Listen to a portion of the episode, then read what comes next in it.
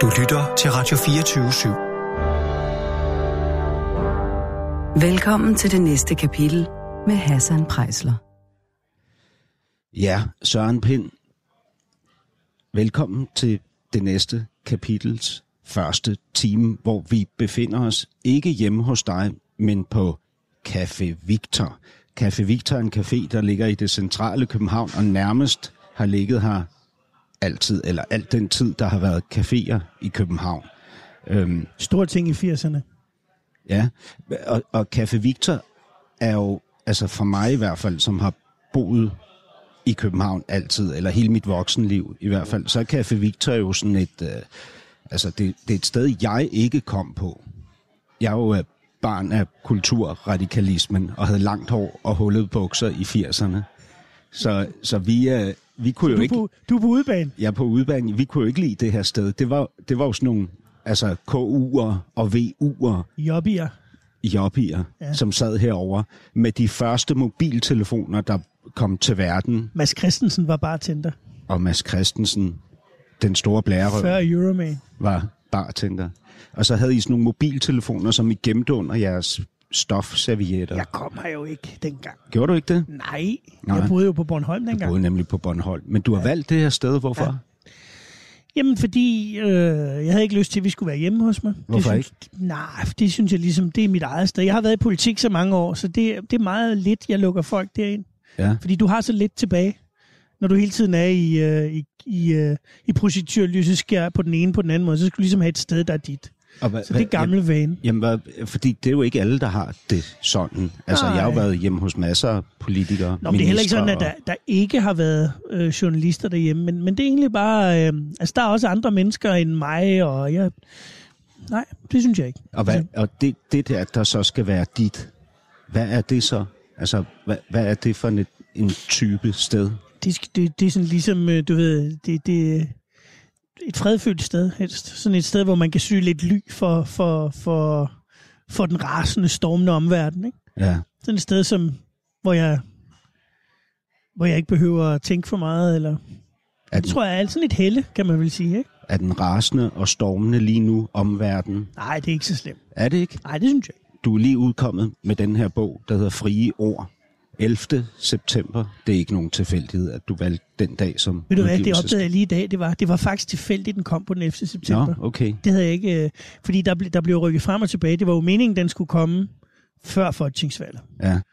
Så synes jeg ikke, vi kunne være det rigtig bekendt. Det synes forlaget, altså, det ville blive en mærkelig bog. Altså, at den kom inden så var den egentlig planlagt til oktober, så eksploderede alt det her halvøje, og så tænkte vi, nej, så er det nu. Og så og, og pludselig når du siger, Euroman, eller kom Euroman med et interview, før de skulle, så skulle vi bare have den på gaden. Og når du siger, at det ville have været mærkeligt at udgive den før folketingsvalget, så er det jo fordi, den er jo, den handler om altså venstre inde i maskinrummet. Altså, ja, det gør den også. Og, og altså, din det relation jo... til, til mange prominente ja, venstrefolk, ikke? det gør den. Altså, ja. den handler jo om hele Altså en ting er min barndom, men, men jo praktisk, altså det jeg i virkeligheden har prøvet at fortælle, det var, hvorfor blev jeg engageret i politik? Så derfor starter vi helt tilbage. Ja.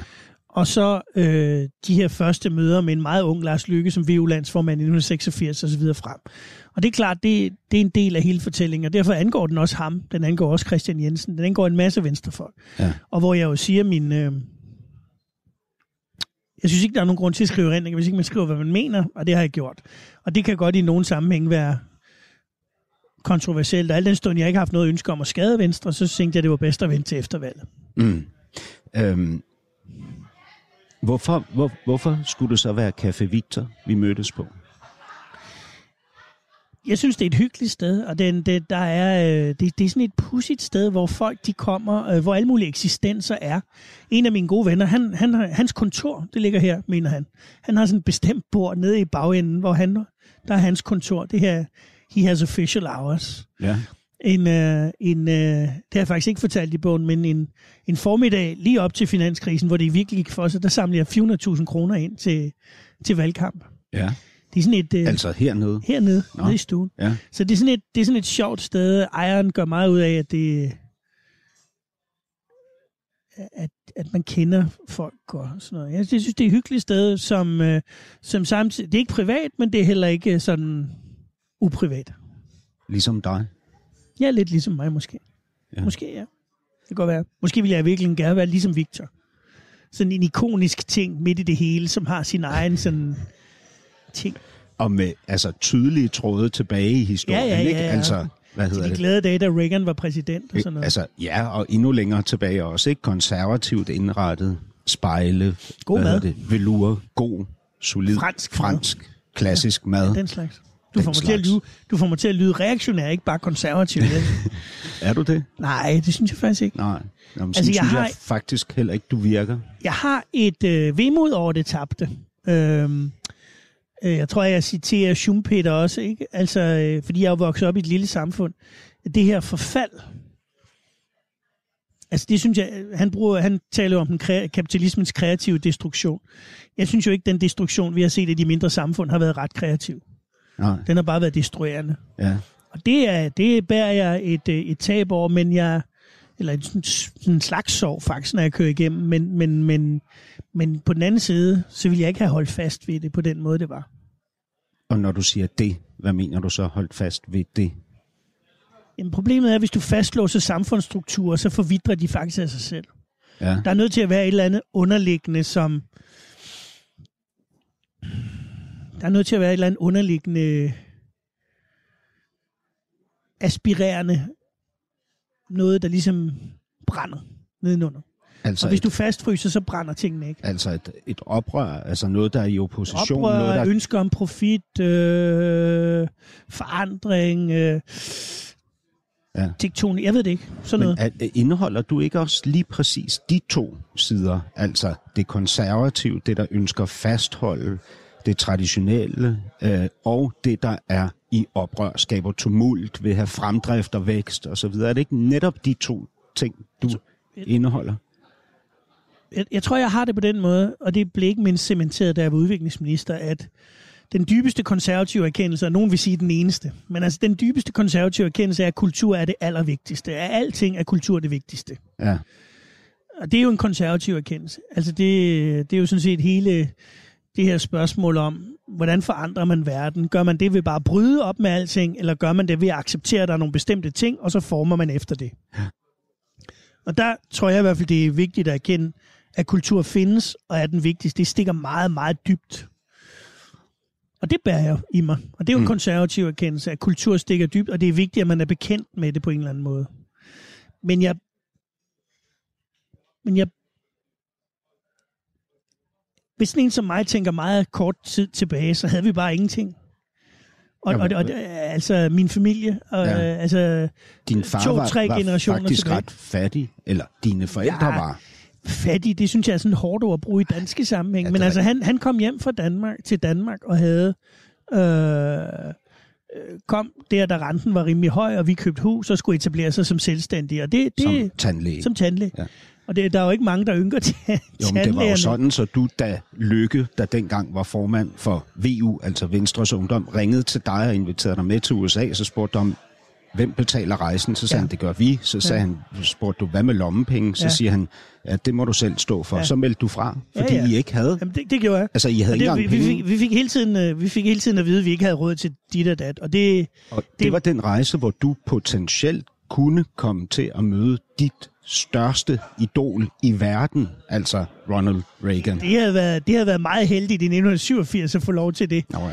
Det tror jeg nu ikke, men altså, det, det er jo meget sjovt, du siger det, det fordi vi mødte faktisk den amerikanske udenrigsminister, Det gjorde som I var jo. George Shultz, Ja, øh, og som jo var en af Reagans nærmeste folk, så, så, men Amerika er et mærkeligt land. ja. Alt kan lade sig gøre. Nå, men, men Søren, den her bog, øh, du har skrevet, som hedder Frie Ord, og som udkom den 11. september, den har jeg læst fra ende til anden, og den er skidespændende. Synes du det? Ja, det synes jeg absolut. Altså, den giver et indblik i dig. Jeg kan også godt mærke, hvor dine grænser går privat, øh, i forhold til dit privatliv. Vi hører ikke meget om din skilsmisse, for eksempel. Øh, heller ikke ret meget om dit forhold til dine børn. Øh, men den, den går jo tæt på dig, fordi den illustrerer dine drømme og dine trængsler og dine nederlag og din smerte osv. Øh, og så viser den jo også et politisk partis arbejde omkring magt og magtfordeling. Og når jeg siger, at den er, den er skidespændende, så mener jeg det, men jeg mener også, at den er voldsomt desillusionerende. Mm. Altså, Øhm, jeg, jeg har skrevet nogle noter her til mig selv, ikke? fordi jeg, jeg, jeg har skrevet børnehave, magtkampe, personligheder, personkonflikter, strategier. Og så, og så har, har jeg stillet sådan nogle spørgsmål. Hvem i alverden er det, der bliver politikere? Og hvorfor? Fordi I udlever jo bare de værste sider mm. af et menneske som politiker. Altså, det er, jo, det er jo frygteligt at blive vidne til. Altså, jeg håber jo på, at det ikke er, som du beskriver, det er i den det er her det. bog. Det er det også. Og, altså, Altså- og sådan er det i alle partier. Ja, ja. Altså magtkampe og, Ja og hvad hedder det, idealer, der, der er så f- øh, langt tilbage i erindringen, at, at det hele er blevet overtaget af klikedannelser, udstødelse. Jeg har aldrig oplevet, tror jeg, måske på nær enkelte undtagelser, ingen nævnt, ingen glemt, men jeg har aldrig oplevet, at politikere gik ind i politik af de forkerte grunde. Altså, øh, det har jeg sådan set ikke. Men altså, der sker, gik, gik ind i det. jeg gik ind i det. Ja. Men, men, men altså, der sker bare noget undervejs. Og det, jeg har ville med den her bog, fordi jeg påtænker jo at skrive et andet bind. Men det, jeg har ville med den her bog, det var at skrive, øh, altså, det, sådan som jeg ser det. Ikke sådan, som det burde være, men sådan, som jeg ser det. Og en af grundene til, at jeg valgte at forlade det. Øh, fordi jeg synes, at politik, moderne politik i meget høj grad er blevet et lufttomt rum. Hvad, og hvad mener du med Et det? lufttomt rum. Jamen, jamen, det er i høj grad, at folk er der ikke så meget nødvendigvis for en sags skyld, som for personlige ambitioners skyld. Og at de personlige ambitioner bliver låst ind i hinanden. Mm. I Venstre havde vi for eksempel en næstformand, som igennem rigtig lang tid stræbte sin formand efter livet. Selvfølgelig ikke efter, efter det egentlige liv, men efter formandslivet. Mm. Hvilket bare prægede vores parti i rigtig høj grad. Øhm, Og når du siger næstformand, der stræbte en formand efter det politiske liv, så ved vi jo godt, hvem det er. Altså, det er jo, ja, ja, så derfor er der ikke nogen grund til, at jeg siger det, fordi men folk jeg ved siger, det godt. Jeg men siger du kan så, sige det. at det er Christian Ja. Jensen ja. og Lars Løkke, Der, som det- henholdsvis næstformand Ja. og formand. Jeg har samtidig været med i politik i en tid, hvor øh, folket forlod politik. Altså, mm. hvor øh, folk meldte sig ud af vælgerforeningerne. Da jeg meldte mig ind i Venstre, der var der over 80.000 medlemmer. I dag er der 35.000 tilbage. Mm. Øh, og det er jo det samme for alle de andre partier. Meget værre for nogen Og hvorfor, har- hvorfor har de gjort det? Jeg tror, Er det af de årsager, som Jamen, du der- beskriver der, i bogen? det, det er både af de årsager, jeg beskriver, men jo også fordi, at man gradvist begyndte at etablere strukturer, hvor meget få mennesker træffede de egentlige beslutninger i partierne. Og det gider, for, altså hvis folk bare skal være hæppekor, så gider de jo i grunden ikke at være der. De vil jo gerne, Og hæppekort til en kamp, der ikke handler om idealer og visioner, men om positioner og magt. øh, ja, altså der sker, hvis man vil forstå alt det der, så tror jeg, at man skal tage valget i 1998 som et omdrejningspunkt. Ja. Indtil da har der kun været et magtparti i Danmark, det var Socialdemokratiet. Øh, Jeg kan huske min udmærkede tidligere kollega Nick Hækkerup. Han sagde engang, at nu har han været socialdemokrat så længe, så han havde nået at have en forskellig holdning, al- alle de forskellige holdninger, der var at have til det samme spørgsmål. Det er jo det, der kendetegner et magtparti, at man kommer hele vejen rundt. Mm. Alt afhænger af tiden, Mm. ikke af spørgsmålet. Øh, og det, der sker i Venstre i 1998, det er, at Uffe Ellemann Jensen, som jo lancerede en idealistisk, liberal, borgerlig politik, ned med skatterne, opgør med lejelovgivningen, etc., han falder med ganske få stemmer. Og der sværger hele Venstre på en gang, og, og taber på grund af Nyrups løfter om efterløn og kampagnen mod hans hus og så videre, så videre. Mm. Og der sværger Venstre på en gang, at det vil man ikke igen. Mm. Og, og, og der ligger man sådan helt grundlaget for en nyorientering, hvor Venstre også bliver et magtparti. Så der er to magtpartier. Hvad definerer et magtparti? Det er dels det, jeg sagde lige før. Men også det her med, dem, der aldrig vil stemme på dig, glem dem.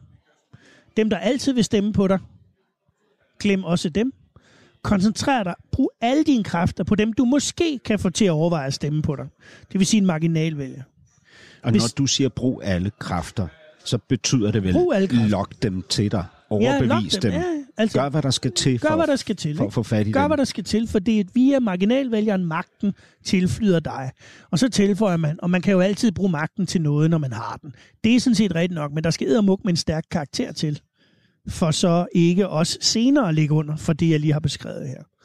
Der sker samtidig det i dansk politik, og jeg tror sådan set, det er en international ting, at øh, af idealistiske grunde, så beslutter de politiske partier sig for at løsrive sig fra deres omgivelser. Hvad mener jeg med det? Jeg mener med det, at den form for at bedrive politik, den kræver, at partierne er kampagneorganisationer.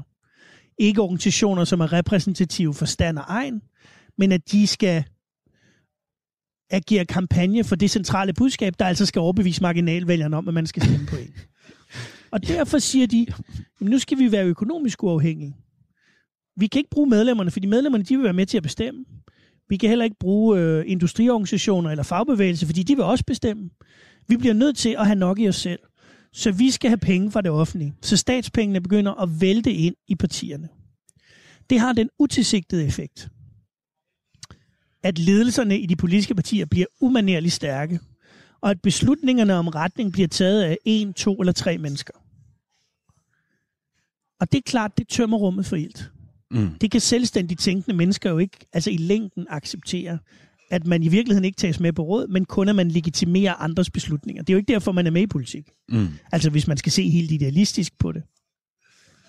Og derfor udvikler det sig det, at politik går fra at være noget, hvor du repræsenterer din stand og din egen, til i virkeligheden at være et karriereforløb, hvor du kan få en mellemhøj indkomst, og øh, hvis du er, gør det rigtigt, så starter du i byrådet, så bliver du borgmester, så bliver du folketingsmedlem, så bliver du minister, og den ultimative pris rykker over og starter og indkasserer 2.000 kroner, det er at blive statsminister. Mm. Og hvis ikke du gør det på den her måde, så er du en fiasko. Mm. Men, men Søren Pind, du har jo deltaget i alt det, du beskriver her igennem rigtig mange år.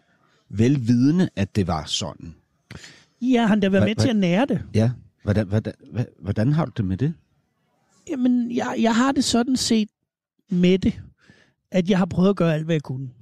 Og da, det, da, da, da jeg følte, at altså, jeg blev... du blev som haren du lå der som haren spiser reven for at ændre den indenfor. Ja, altså som jeg selv sagde, så noget kræver en stærk karakter. Hvis du, hvis du kan blive ved med at argumentere for, jo, men hvis bare jeg kommer til at bestemme, så bliver det godt hvis jeg øh, får lov til at blive udviklingsminister, så kommer frihed i, i højsædet. Hvis jeg får lov til at blive integrationsminister, så får vi udvist de kriminelle udlændinge. Ja, og hvis du jeg har jo også haft, øh, hvad hedder det, fra tidligt i dit liv har du haft ministerdrømme, ikke? Og du har jo også haft drømme om at blive formand for Venstre. Alt og det, det vil jo sige, at du også har haft drømme om at blive statsminister en dag. Ikke? Så du, du, vil, du var jo også villig til at gå den vej inden for ja, det system, på ja, den måde, man skal gøre det. Selvfølgelig. Ja. Men, men jeg har altid synes, altså der var en anden side af det, det som blev grundlaget derefter 1998, var i virkeligheden en meget smuk historie. Fordi ved siden af den her kyniske gengivelse, så lad os tage en opbyggelig historie ved siden af. Hvad handlede det egentlig om? Jo, den der nye måde at bedrive politik på, den kom fra Storbritannien. Uh, det var Tony Blair og Gordon Brown, Alistair Campbell, de her folk, som da de var helt unge, havde den problemstilling, at Labour godt kunne vinde et valg, men altid tabte efterfølgende. Mm. Og så sad de konservative to, tre og i værste fald fire valgperioder, før Labour så fik lov til at vinde et valg og tabte efterfølgende igen. Mm. Og det kunne de jo sådan set grundlæggende ikke forstå, fordi de mente jo, at de havde verdens bedste politik. Så de gør noget nyt. De går simpelthen, de tager ned til Wales, til kulminearbejderne i Wales, som de understøtter med statsmidler, og som jo er Labours store ting. Mm. Tryghed. Mm. Så tager de ned til kulminearbejderen, og så siger de til ham, hvordan kan det være? Altså, her har vi sikret dig dit job, så du har råd til din lille bil, dit lille hus og din lille kone. Øh, hvorfor svigter 40 procent af jer også ved valget efter? Og så kiggede øh, kulminearbejderen på ham, på ham, der udspørger sig, sagde jeg vil ikke have et lille hus. Jeg vil have et stort hus. Jeg vil ikke have en lille bil. Jeg vil have en stor bil. Og jeg vil have en lækker kone. Altså, og, og det var sådan ligesom, hvad betyder det? Jo, det betyder, at håb er også en del af den politiske fortælling. Så ved siden af det her, der var der bare den erkendelse, at tryghed og frihed skal gå hånd i hånd. Mm. Og det var jo sådan set derfor, jeg lavede de 10 teser tilbage i 2003. Det var fordi, jeg følte, at tryghedsfortællingen kom til at fortælle for meget. Så jeg har også slået mig på det der mange altså gange. Altså 10 teser, som ligesom skulle være op imod Anders Fogh Rasmussens politik, på, form, formuleret politik på det tidspunkt, så skulle de være sådan hyperliberale, ikke? Ja, det, det, jeg tror, det var Arne Hardis, der i, i Weekendavisen, sådan i eftertankens klarskær, kaldte dem småliberale. Okay. Og det, ja. det, de var jo ikke voldsomt farlige, men det blev de opfattet som. Altså, Anders Fogh Rasmussen siger faktisk, at han ville have gået af som formand, hvis I havde præsenteret Så for dem, mig har det været vigtigt, at ligesom kan man sige, tryghed og frihed er gået hånd i hånd, idealisme og pragmatisme har, har kunne følges ad. Ja. Og da jeg sådan på et tidspunkt følte, at det, at det var ved at være en illusion, så tænkte jeg, at tiden var at gå sin og vej. det, og det skete jo her for nylig, altså for få år siden, ikke? At du siger, at det hele bliver en illusion. Du, jeg synes, det du blev, står For faktisk, mit vedkommende blev det for meget. Ikke? Jeg kunne ikke længere forbinde de to ting. du er minister på det tidspunkt, ja. og du står faktisk også ved at grundlægge en tænketank, som ligesom skal genopfinde de liberale principper. Det vil sige, du er ligesom både er placeret et sted, hvor den praktiske magt er en del af din hverdag, ja. og placeret et sted, hvor du kan udvikle idealerne igen. Ja. Men du har ikke flere kræfter. Jeg har ikke flere kræfter. Jeg, øh, det, altså det der, vi- jeg, jeg må jo indrømme, jeg har betragtet, altså, hvis man nu som jeg tænker tilbage og ser tilbage fra 1989 og frem til i dag, så er det jo ikke gået, som vi troede. Mm. Nu var vi også naive, altså. Men jeg siger altid, at 90'erne, det, det er ligesom min generations 60'er. Der var frihed, og der var sgu ikke nogen, der havde klima, klima øh, skyld, skyld eller noget som helst. Mm-hmm. Vi kunne rejse over hele verden for ingen penge, fordi flypriserne blev givet fri, og den fri konkurrence herskede. Mm. Øh, så vi skulle ud og se, mærke, føle, og vi var helt sikre på, at de værdier, vi repræsenterede, markedsøkonomi, menneskerettigheder, øh, menneskets ukrænkelighed, øh, folkestyre, at det var de værdier, som hele verden indlægger. Kapitalismen, ja, ja markedsøkonomi, ikke? Mm. At det hele, jeg kan bare bedre lide markedsøkonomi. Det er mere ja. sympatisk udtryk. Ja. Øh, det, det var noget, som hele verden ville omfavne. Det troede vi jo. Ja. Øhm, og så skete jo Brexit og Trump. Altså, vi springer meget lige nu, ikke? Men altså, så skete Brexit og Trump og Macron. Og jeg synes, Macron var interessant, fordi han ligesom var et, et, et svar fra midten Ja. på alt det, vi så, hvor folk havde følt, at den politiske tilværelse på en eller anden måde var glædet dem forbi. Og der var det, jeg tænkte, at det kunne være interessant i virkeligheden at bryde ud af den der politiske boble og prøve at samle kulturfolk og øh, øh, højskolefolk og intellektuelle forfattere, industrifolk, for ligesom at få en samtale om, i virkeligheden en elitær samtale, det er jo næsten blevet forbudt at sige, men en elitær samtale fra folk, der havde bevist noget om, hvordan kommer vi videre herfra, fordi noget er kørt skævt. Mm. Og jeg havde en snak med masser af dem, og det var super interessant. Altså, jeg alle... synes, det er vildt fedt, at du Der var- bruger der var- ordet du elitær. det altså, var- det- jeg, det- jeg, jeg, jeg tænker på, hvem, hvem har i al den tid, jeg har været en del af kunstmiljøet i Danmark, hvem har så talt eliten op? Ingen. Alle har talt den ned. Ikke? Ja, og og den nuværende, den nylig tiltrådte kulturminister gør det også. Ikke? Hun Ja. mener, at kunst og kultur er, er, hvad hedder det, fællesskab. Det er ikke fyrtårn. Det er ikke noget, der skal skubbe og præge. Men det er jeg meget og- uenig i, og jeg synes i og for sig, at det der syn har vi jo prøvet. Og, og, og nu burde vi have lært, at demokrati faktisk betyder, at folket bestemmer. Altså, og de fik, gjorde Dansk Folkeparti, det er det største parti i 2015 inden for de borgerlige. Og de stemte for Brexit i Storbritannien, og de valgte Trump i USA. Så kan vi ikke lige, altså, der er også noget ved fyrtårnet, der er også noget ved tænksomhed, der er noget ved nogen, der, der er faktisk nogen, der er klogere end andre. Øh, og det, har ikke, det, er ikke, det er ikke nødvendigvis imod, det er i hvert fald ikke i, i mit sindbillede i modstrid med demokratiets væsen. Mm. Og der er det bare, at, øh, at det vil jeg godt ligesom have prøvet at tage en, et udgangspunkt i.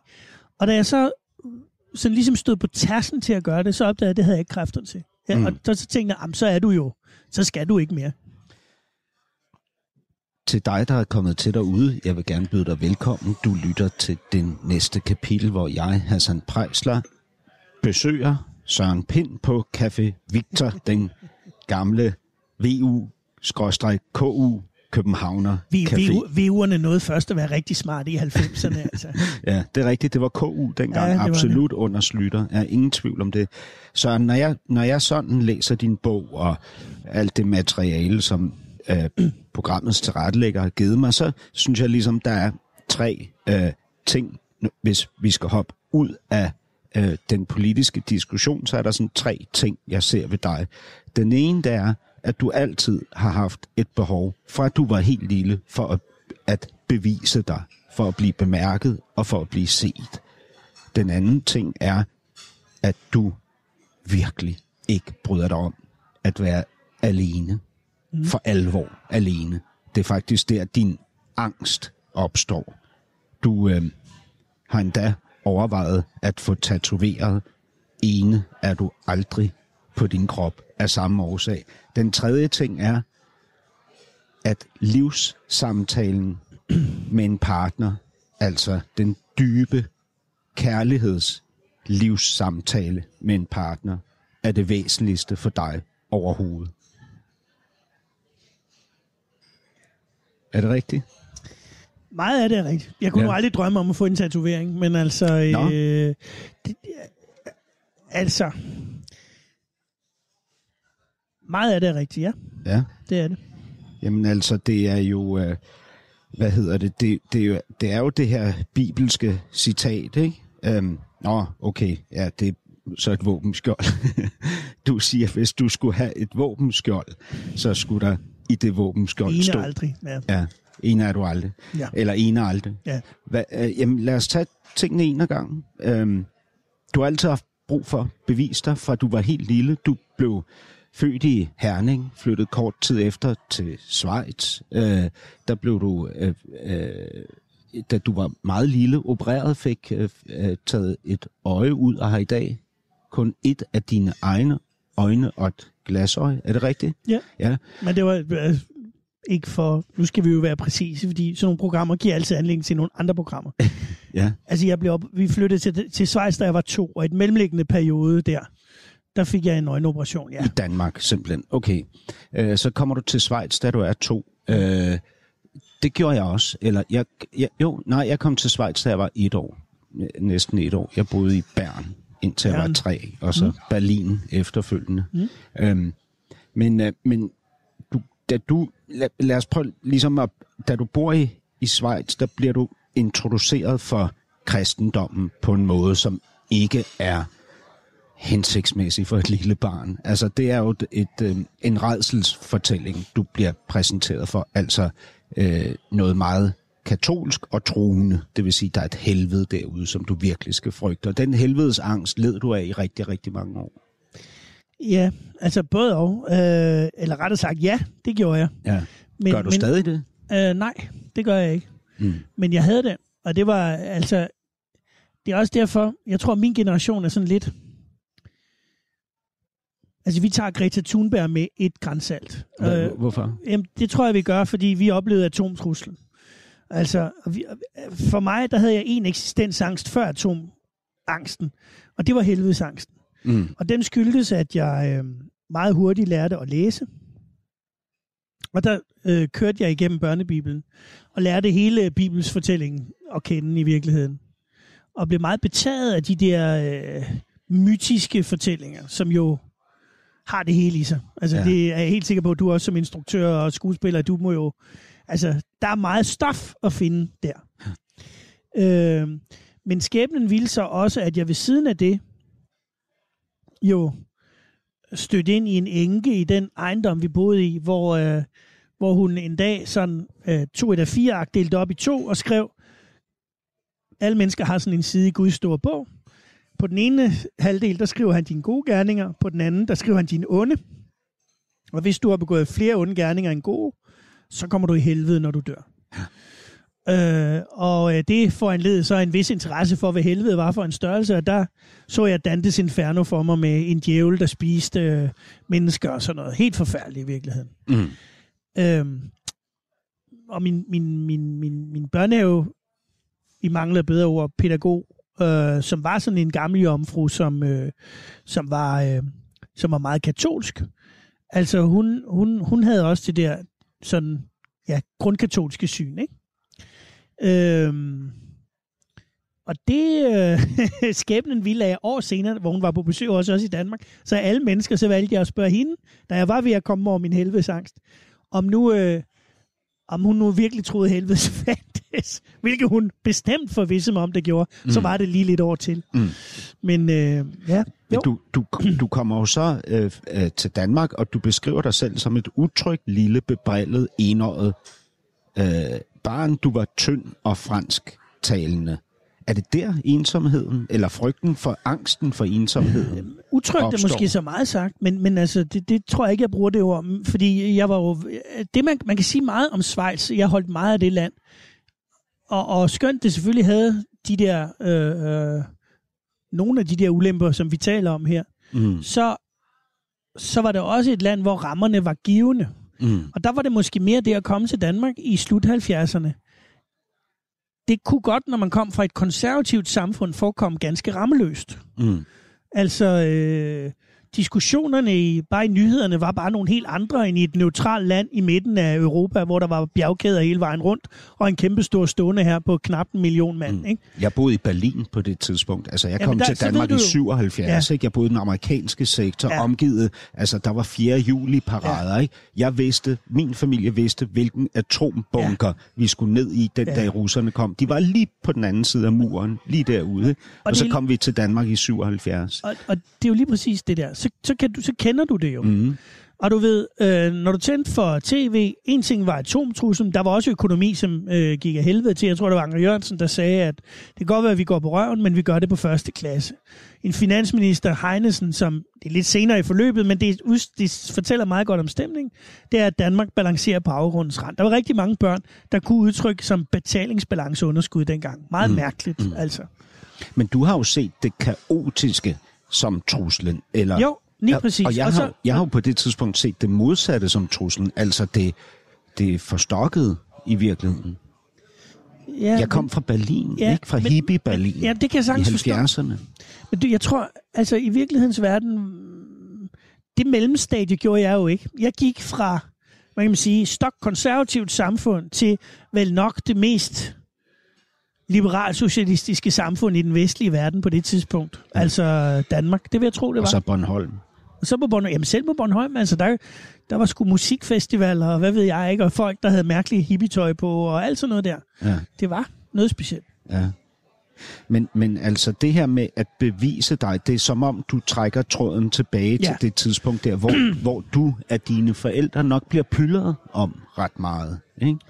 Måske min, især din mor. Eller? Mine forældre, ja, det ved jeg egentlig ikke, men mine forældre har selvfølgelig altid, lige siden de fik det der chok med den operation, og det at deres barn, ene barn, øh, havde, altså senere fik de jo min bror, men altså det her med, at man, at man Hvor gammel var du, da de fik ham? er Mikkel, Mm. øh, de, de, øh, jeg var tre, Mm. men det her med, at du, øh, at du pludselig, øh, at dit barn er sygt, altså, og der skal fjernes noget, det, det, det har de nok opfattet som ret øh, chokerende. Mm. Og der, øh, der er det klart, at, øh, at der har der været en opmærksomhed rettet mod det. Selvfølgelig har der det. Hvordan var din skolegang? Jamen, øh, altså hvorhenne? I Schweiz, i Danmark Bornholm. eller på Bornholm? Blev du drillet? Blev du holdt udenfor? Mobbet? Nej, altså der skete det relativt tidligt. Jeg kom jo midt i første klasse. Det er ikke så nemt et tidspunkt at komme på, fordi mm. folk har der fundet hinanden. Jeg har jo sådan en teori, Søren, den indskyder jeg lige, at øh, jeg har jo sådan en teori om, at 179 ud af 179 mennesker inde i vores parlament er tidligere mobbeoffer. Og det er jeres hævn, det I udfører. Det, det kan godt være. Man kan ikke udelukke, du har ret. Men det, altså, jeg fandt mig nu godt tilpas relativt hurtigt. Og så skete der det. Øh, der skete det, at midt, i midten af anden klasse, tror jeg, der kom der en halv jordansk, halv dansk dreng i klassen. Ja, Og ham var der jo mange, der faldt over. Altså. Det var synd for ham. ja. Hvad hed han? Kan du huske det? Ja, det kan jeg godt huske, men det synes jeg ikke, at han skal gå ud over ham. Vi kan kalde ham Hassan. Hvad siger du? Vi kan kalde ham Hassan. Ja, det hed han ikke, men det er ligegyldigt. Men, men han havde en hård tid. Og hvad, hvad, hvad, så han tog den negative Ja, opmærksomhed. det må man sige. Ja. Det Var- må man sige, han gjorde. Medvirkede du? Jeg var en, endte jeg var en mobber, da jeg gik i skole. Deltog du i... øh, Nej, sådan oplevede det ikke. Jeg, jeg, tror, jeg, jeg tror, altså for mit vedkommende, der var det bedst sådan, og altså jeg var ligesom, hvis jeg absolut skal beskrive det, så var jeg den kloge, der gemte sig bag de stærke. Ja. Og det, det er jo ikke godt for Søren Pind, fordi Søren Pind har jo en veludviklet retfærdighedssans. Ja, men den brugte jeg også dengang. Ja. Til at gemme dig bag de stærke. Nej, men det er jo mere, hvis truslen kom til at angå mig, så skulle jeg også have, så havde jeg også brug for backup. Ja. Nå, men, men, men altså... men det er vel rigtigt nok, når vi kan jo godt trække den tråd, når der er ballade her på Café Victor, øh, men vi kan jo godt trække den tråd, at du har haft brug for at bevise dig, Ja, ikke? Det tror jeg, På altså, grund af det det er her, klart, der at opstår. øh, dels er der kulturforskelle, dels er der det, at du er ny, øh, øh, dels altså det, jeg kalder kultur, er jo også grundlæggende anderledes. Altså min oplevelse, det jeg havde med i bagagen, var, var så anderledes i forhold til det, andre havde. Ja. Så selvfølgelig har jeg haft behov for at vise, at jeg var dygtig, og jeg kunne noget, og så videre. Ikke? Men på en eller anden måde har, har, har jeg altid haft den drivkraft. Øh, En drivkraft mod hvad? mod at vise, at jeg kunne. Ja. Og, og spørgsmålet er i virkeligheden, øh, der var engang en, som øh, fortalte mig, at, at øh, i gamle dage, de der, øh, den måde, de der operationer foregik på, jeg ved ikke, om det er sandt, men altså i gamle dage, så afleverede forældrene jo barnet, og så sagde lægen, jamen tak, nu beholder vi pågældende i nogen tid, så kan I komme og hente. Altså, og der, der er der nogen, der har udviklet den, den teori, at det skaber sådan en ekstra, men på den anden side, så... Altså Man er jo så lille styrke? igen, eller, øh, ja. så Men, men når du så, øhm, altså du, du siger for eksempel om dig selv, at alt det der buller og brag, du altid har skabt, eller ikke altid, jo ældre du er blevet, jo mere har du skruet ned for buller og brag, fordi jeg du i hvert fald. har, har opdaget, at det ikke altid var lige hensigtsmæssigt ja. øh, for dig i hvert fald. Men alt det har handlet om at blive set. Ja. Ja.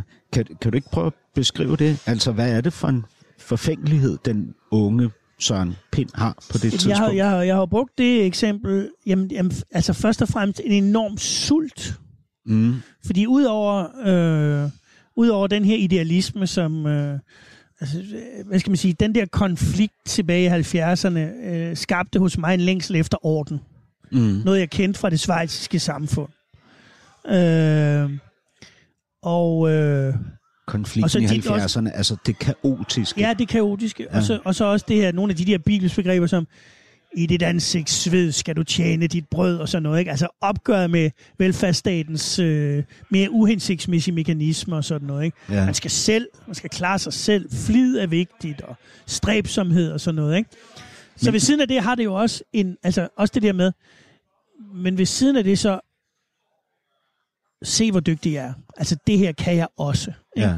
Så det der mix, Men Som hvordan, ikke altid hvordan har du fået, altså lille bitte Søren Pind, hvordan har du fået slæbt det der med fra Schweiz? Dine forældre er jo radikale og læser politikken. Altså, hvor i alverden, hvad, hvad, hvorfor har du, altså da, da Reagan kommer til magten, så jubler du, og dine forældre bliver pisse bange, fordi de tænker, nu starter 3. verdenskrig. Ja. Hvordan, altså hvor, hvor, hvor Jamen, det, jeg tror, det er det der kulturskift.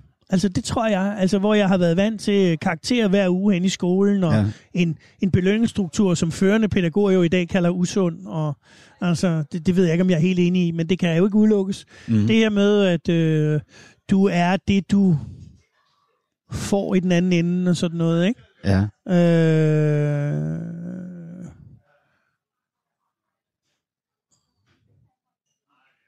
Det med, at du grundlæggende er anderledes. ja, Det der, at du, du, du om jeg så må sige halv, ikke? Altså, ja. øh, øh, så skal der lige noget ekstra til for at klare sig. Og, og da du som voksen politiker med forholdsvis stor succes, altså i Københavns borgerrepræsentation og så videre, på et tidspunkt opsøger en coach, så er det fordi, du har læst din ekstrablads artikel, dit fulde potentiale eller dit talent ikke er udlevet, men spildt, og det rammer dig virkelig hårdt. Jamen, der, er- altså, der sker flere ting i den der periode. Der er bare, alle går ikke igennem... Altså, nogle perioder i ens liv er hårdere end andre, og på et eller andet tidspunkt, så, så kunne jeg ikke helt forstå de her reaktioner hele tiden indtræf. Mm. Øh, og Reaktioner er mørke, altså. At, Ja, at, men også det der med, af at nogle gange tog jeg og- nogle slagsmål, hvor jeg tænkte bagefter, altså hvor jeg virkelig blev ked af det bagefter, jeg tænkte, hvorfor gjorde du det? Altså jeg, jeg, jeg, jeg mener, jeg har taget, øh, der er rigtig mange, der, altså rigtig mange slagsmål, som jeg tog, fordi jeg tog dem, og jeg mente det, ja. men der har også været forfængelighedsslagsmål, og de er jo ikke gavnlige Altså i sidste. buller og brag. Buller og brag. Ja. oh, jeg kender det så godt, Søren. Buller og brag, ikke? Ja. Og så tænker man jo på et tidspunkt, og det, og, det, og det skinner jo på et tidspunkt i ansigtet på en. Ja. Men man kan ikke, det tager noget tid, før man ligesom, man prøver at skyde skylden på alle mulige andre ting. Det kan jo ikke være rigtigt. Mm. Og så på et tidspunkt, så, så tænker man, nå jamen, altså, jeg må jo hellere prøve på at se, om jeg kan få gjort noget ved. Ja. Og så talte jeg med en coach, og, Og det, og øh, det gjorde jeg gennem lang tid. Guider dig så, og, og på den anden side af det besøg, så er det, Det er meget så... sjovt, du siger på den anden side, fordi han beskrev det også som det her med, at du skal komme op over bjerget, og så skal du gå ned igen, men Ja. på den anden side. Og Ikke? på den anden side, der Ja. bliver du så minister, altså, og så videre, ikke? Så du får Jo, jo, udlevet dit talent Men det der, det, der er det interessante, synes jeg, ved de der terapiforløb, skal vi kalde dem det, Ja. det er jo også, at man mister jo noget af sin drivkraft. Ja. Ja, Altså- fordi det bliver tydeligt for en, hvad det er, det kommer fra. Altså for eksempel du- ens At kampen i sig selv bliver knap så interessant. Ja, Og det vil sige, at den der atomkraft, det der lille atomkraftværk, du har nede i maven, det bliver jo altså lavet om til et elværk. Søren Pind, vil det så sige, at grunden til, at du gik af som minister, forlod dansk politik, er, at du har gået for meget i terapi? Nej, det tror jeg ikke. Men jeg tror bare, at... Øh, jeg tror, at... Hvad kan man sige? Symbolerne blev ligegyldige for mig. Ja, Det var ikke så vigtigt for mig at kunne sige, at jeg var minister, eller jeg var folketingsmedlem, eller jeg var dit, eller jeg var dat. Øh, jeg, kunne godt, øh, jeg kunne godt bare være mig. Mm. Og, øh, og man kan sige,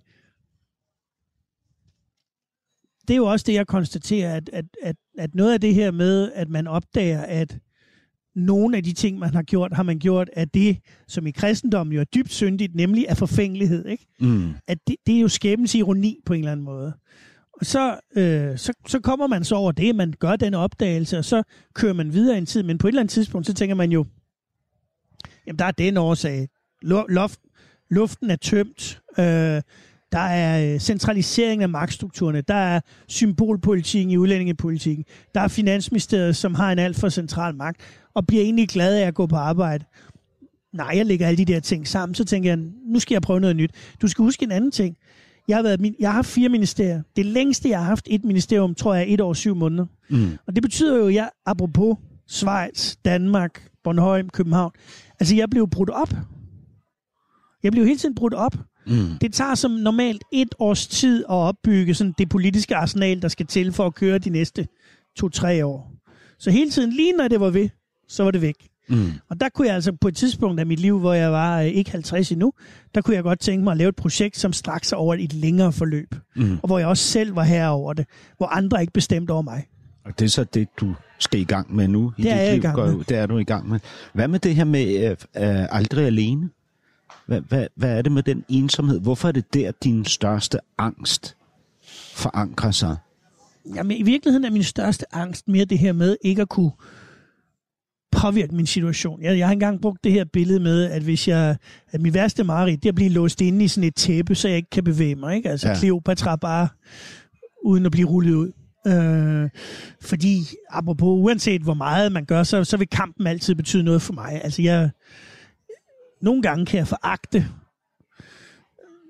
opgivenheden. Altså, jeg mener altid, det er muligt at gøre noget, i Ja. princippet. Men det der med aldrig alene, det kommer sådan set grundlæggende af, at jeg... Øh, nogen de vil hundligt kalde det en hemmelig ven, eller hvad det nu er. Ikke? Men jeg, jeg har sådan set grundlæggende altid følt, at, øh, at der var noget mere end bare mig selv. Ja, fordi du tror på Gud. Ja. Ja. Øh, uden at man nødvendigvis kan gå ind og definere. Men altså meget håndgribeligt for mit eget vedkommende skete der jo det, at en gang jeg var ved at drukne, kom der en stemme, der fortalte mig, hvad jeg skulle gøre. Mm. Du var på en af de rejser, du beskrev, at vi i vores ungdom frit kunne tage på, fordi det var billigt at flyve, og man havde Vi rejste ingen- jorden rundt for 12-13.000 kroner, tror og jeg. uden, Det var uden dårlig samvittighed. uden dårlig samvittighed. Ja. Og der, der er du så i Thailand. Ja. Ja. Og der sker det, at jeg, øh, vi er ude og, øh, og trække, og til det hører så også en, en det irriterer mig egentlig, at der ikke er dansk udtryk for det, men sådan en rafting med, på tømmerfloder ned, i, ned ad en, en thailandsk flod. Og der øh, kommer vi rundt, og så pludselig er der en, en, en tømmerflod længere fremme, som, som sætter sig fast ude i floden. Mm. Og der øh, går vi ind til bredden, eller lægger til ved bredden. Og jeg hopper så ud i vandet uden tanke på, øh, for der står en masse, der står 7-8 mennesker derude eller sådan noget. Uden tanke for, at, øh, at de stod jo ikke nede i floden. De stod på sten derude. Så jeg bliver suget ned under, og der er en meget dyb flod, hakket ned under øh, overfladen, mm. og får presset væggen op imod en klippe, hvor jeg ikke kan, jeg kan ikke komme op. Altså. Mm. Og jeg prøver at komme op, men jeg kan ikke komme op. Øhm, og så er der en, en stemme, som siger til mig, altså, at jeg skal svømme nedenunder. Og der er meget mørkt dernede. Mm. Men, øh, men det gør jeg så. Og så viser det sig, at, øh, at strømmen simpelthen har slippet et hul ned i den her klippe, og jeg kommer op på den anden side, og der er lys, og halleluja, og hvad ved jeg, altså sådan noget der. Og din mor vågner samtidig Ja, min mor vågner, ja. Ja, det ja. gjorde hun, det siger hun, ja. Det Ja. har hun gjort to gange. Men, men altså, Den ene gang kørte jeg galt, den anden gang det her. men, men der er jo også senere i dit liv et tidspunkt, hvor du oplever dig selv meget, meget ensom, hvor du tager kontakt til en sovnepræst. Ikke? Ja, Katrine Lillør. Ja, og, og hun siger så til dig, at du skal anråbe Ja. Gud. Det er Ja. sådan et vildt begreb. Altså, Ja. at, har, Det er grænseoverskridende. Voksne, voksne Søren Pind, altså ja. voksne, rationelle, intelligente, succesfulde Søren Pind, skal anråbe Ja. Gud. Gjorde du det? Ja, Ja. det gjorde jeg. Det gjorde jeg. På, på grund af Øh, ensomheden. Den jamen, jeg- overmandende ensomhed. Elohim, Elohim, kore sabachthani, eller hvad det er, Jesus siger på, uh, på korset. Altså, jeg, jeg følte mig forladt, ja. Altså, Ja. for første gang i mit liv følte jeg, at jeg var helt alene. Hvilket var... Du ved, hvis man har haft en følelse af, selv når det var aller værst, ikke at være helt forladt, så plus, altså ikke pludselig, men at føle det. Ja.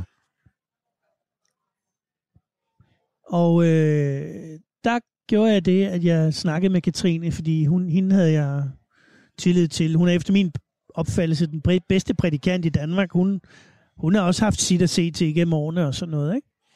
Og så sagde hun det her til mig. Så sagde hun, så sagde hun jamen,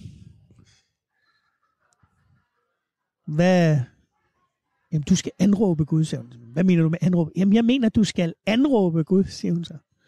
Det er også et vildt begreb. Det er vildt. Ja. Og, det- og, det er jo, og så taler du om rationalitet og forstandighed og sådan noget, men det er jo netop ikke det. Altså, jeg mener jo en af kristendoms mest fantastiske budskaber, som i virkeligheden sætter det moderne menneske så fuldstændig skakmat, hvis bare... Altså, i den her tid, der mener vi jo, vi er skyld i alting. Klimakrise og øh, bare for at tage det nærværende eksempel om undergang, men altså, alle mulige ting er vores skyld. At vi ikke har succes er vores skyld. At alt er vores skyld. Mm. Men, men kristendommen har jo en anden påstand.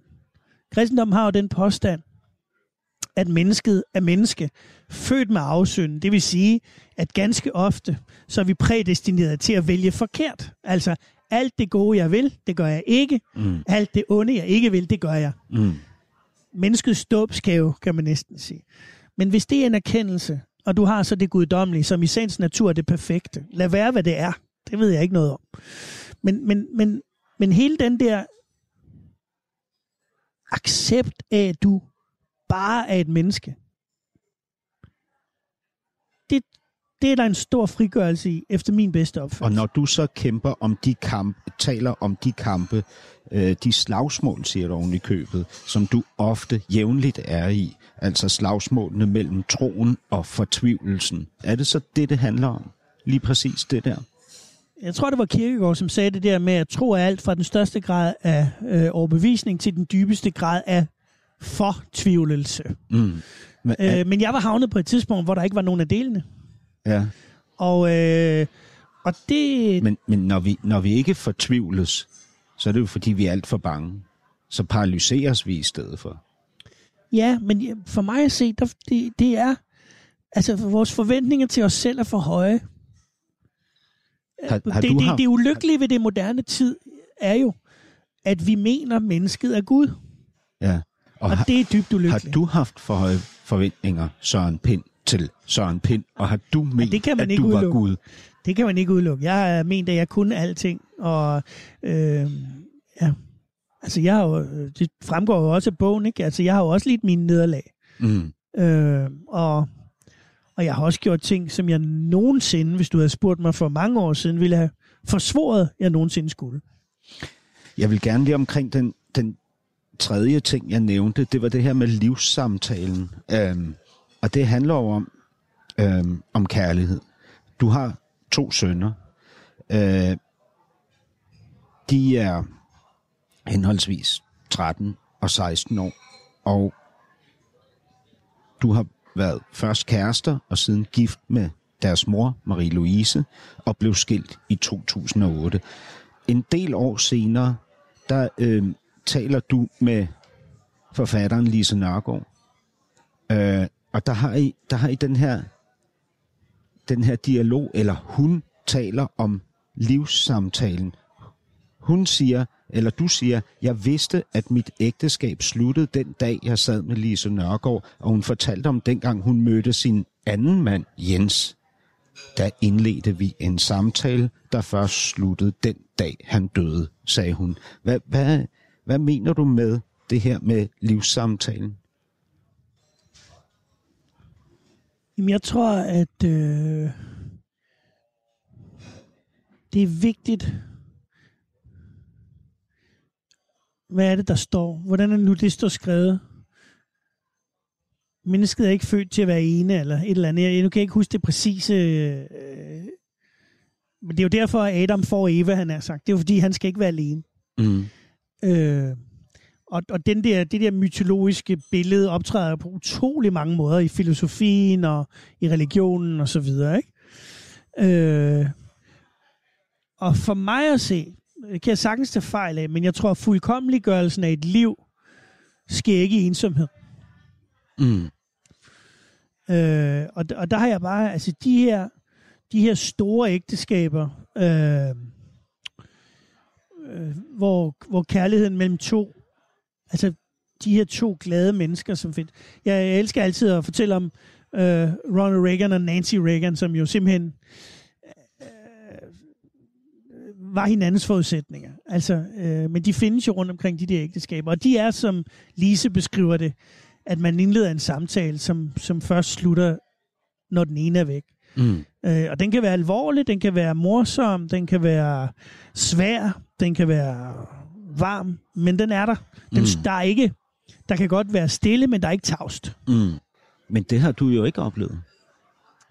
Det kommer sådan set ikke dig ved, om jeg har det. Der, Jamen, der trækker jeg apropos Jo, jo, grænsen. Jamen, men jeg, vel, du siger jo, at det var mit livs sværeste, men også rigtigste beslutning. Og jeg går ud fra, at du mener at blive skilt. alt i mit borgerlige DNA tilsagde, at, øh, øh, at jeg troede ikke på skilsmisser. Ja, det, det gjorde Men jeg, jeg, heller. men jeg måtte Altså, gøre det alligevel. Ja, og, Og det er, også, som jeg beskriver det, her, det er et af mit livs... øh, Det, det var en virkelig, virkelig svær beslutning, fordi jeg følte, jeg svigtede. Øh, ikke mindst mine børn. Mm, Men, men, men sagen er, at øh, det ville have været værre, hvis, hvis, hvis, øh, hvis, øh, hvis, hvis, hvis, hvis det var fortsat. men, men hvad med, fordi jeg går også med den længsel efter livssamtalen, altså efter det partnerskab, som Ronald og Nancy havde. Den går jeg jo også med. Hvad, hvad, skal det bare være en tom længsel? Nej, nej, nej. Den har jeg nu. Men det er også fint. Altså, det, det, Kan du- det, jeg har ikke du- så meget at sige om mit, øh, om mit privatliv. Jeg ved godt, at det, det vil du gerne have, men jeg har ikke så meget at føje til det. Jeg, det, det Men kan vi tale om drømme og længsler? ja, det kan vi sagtens. Ja, fordi jeg drømmer da om at etablere mig igen, få købt en super fed lejlighed med en kvinde, der er så vild med mig, at hun ser over på mig med bundrende blikke hver eneste morgen. Og så skal The vi... Nancy Reagan Og, gaze. og jeg er 50, ja. The Nancy Reagan case. Hvad hedder det? Jeg er 50, ligesom du er. Jeg vil gerne have flere børn. Vil du også det?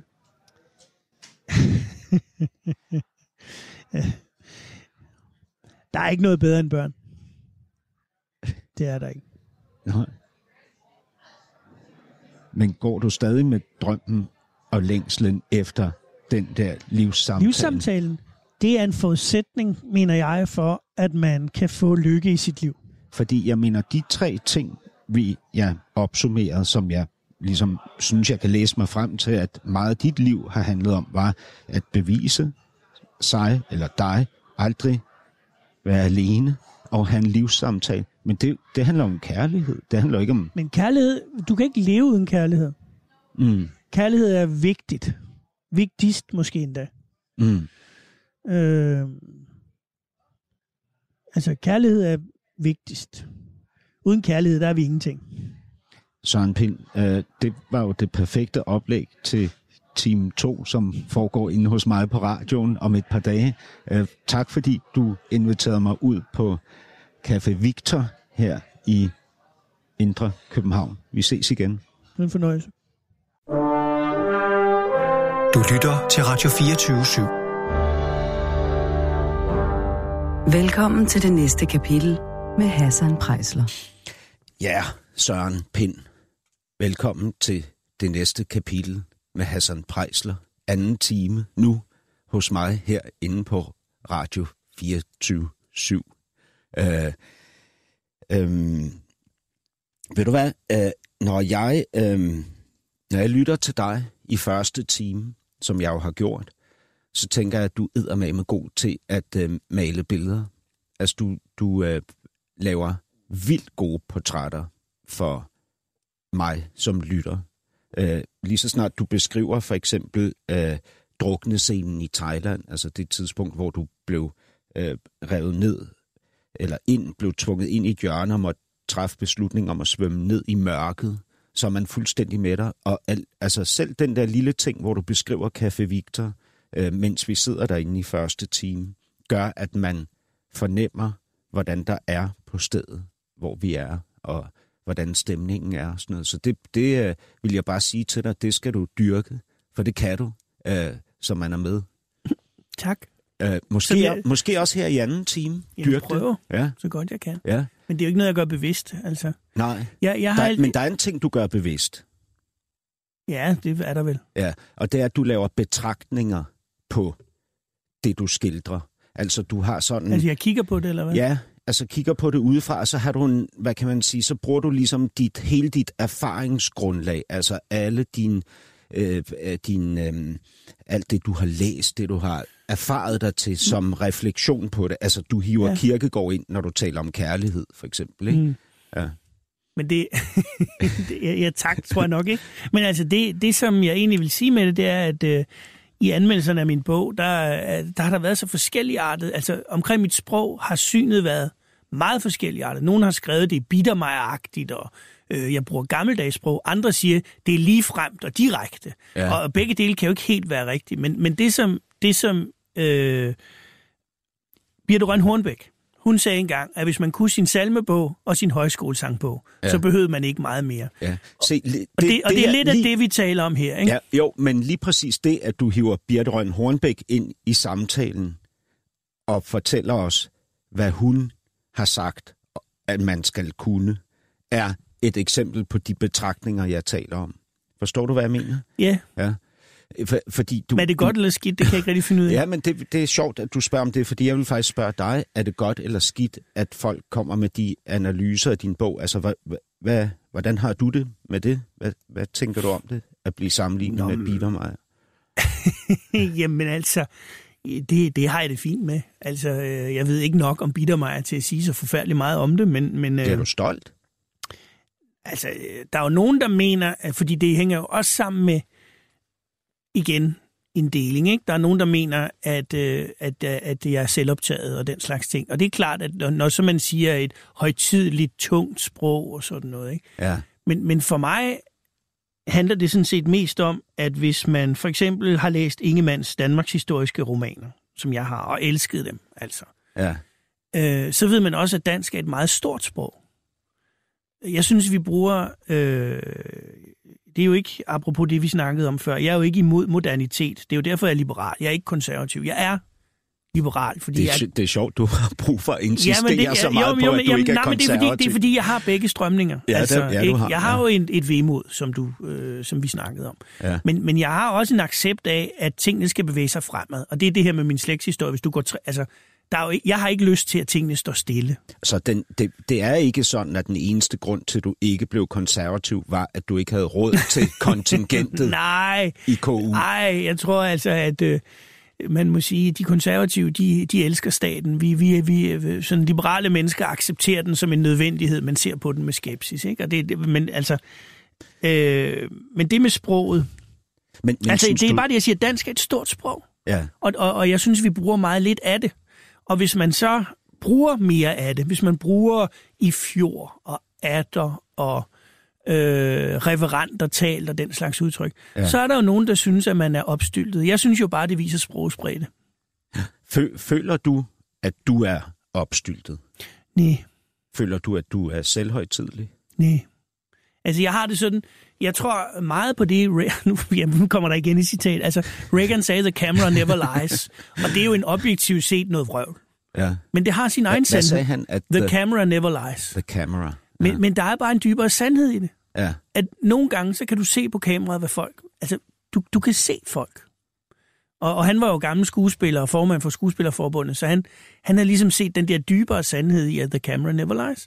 Og i virkeligheden, så, så, så synes jeg altså i meget høj grad, at det, det, det folk ser, det, det er sådan der. Hvad føler du så, når folk siger om dig, at du er opstyltet eller, eller selvhøjtidlig? Øh, I gamle dage blev jeg ked af det. Mm. Øh, altså, øh, jeg følte mig, følte mig ramt af det på en eller anden måde. I dag, der tænker jeg, altså, det, det må de jo selv om. Det kan Mm. jeg ikke rigtig gøre noget ved. Øh, jeg, jeg har, jeg er faldet på plads selv, synes jeg. Så- Hvordan, hvordan føles det at blive ramt, når man er Søren Pind? Nå, men jeg kan, hvis det er sådan nogle eksempler, du leder efter, kan jeg sådan set roligt give. Det kan jeg sagtens give dig.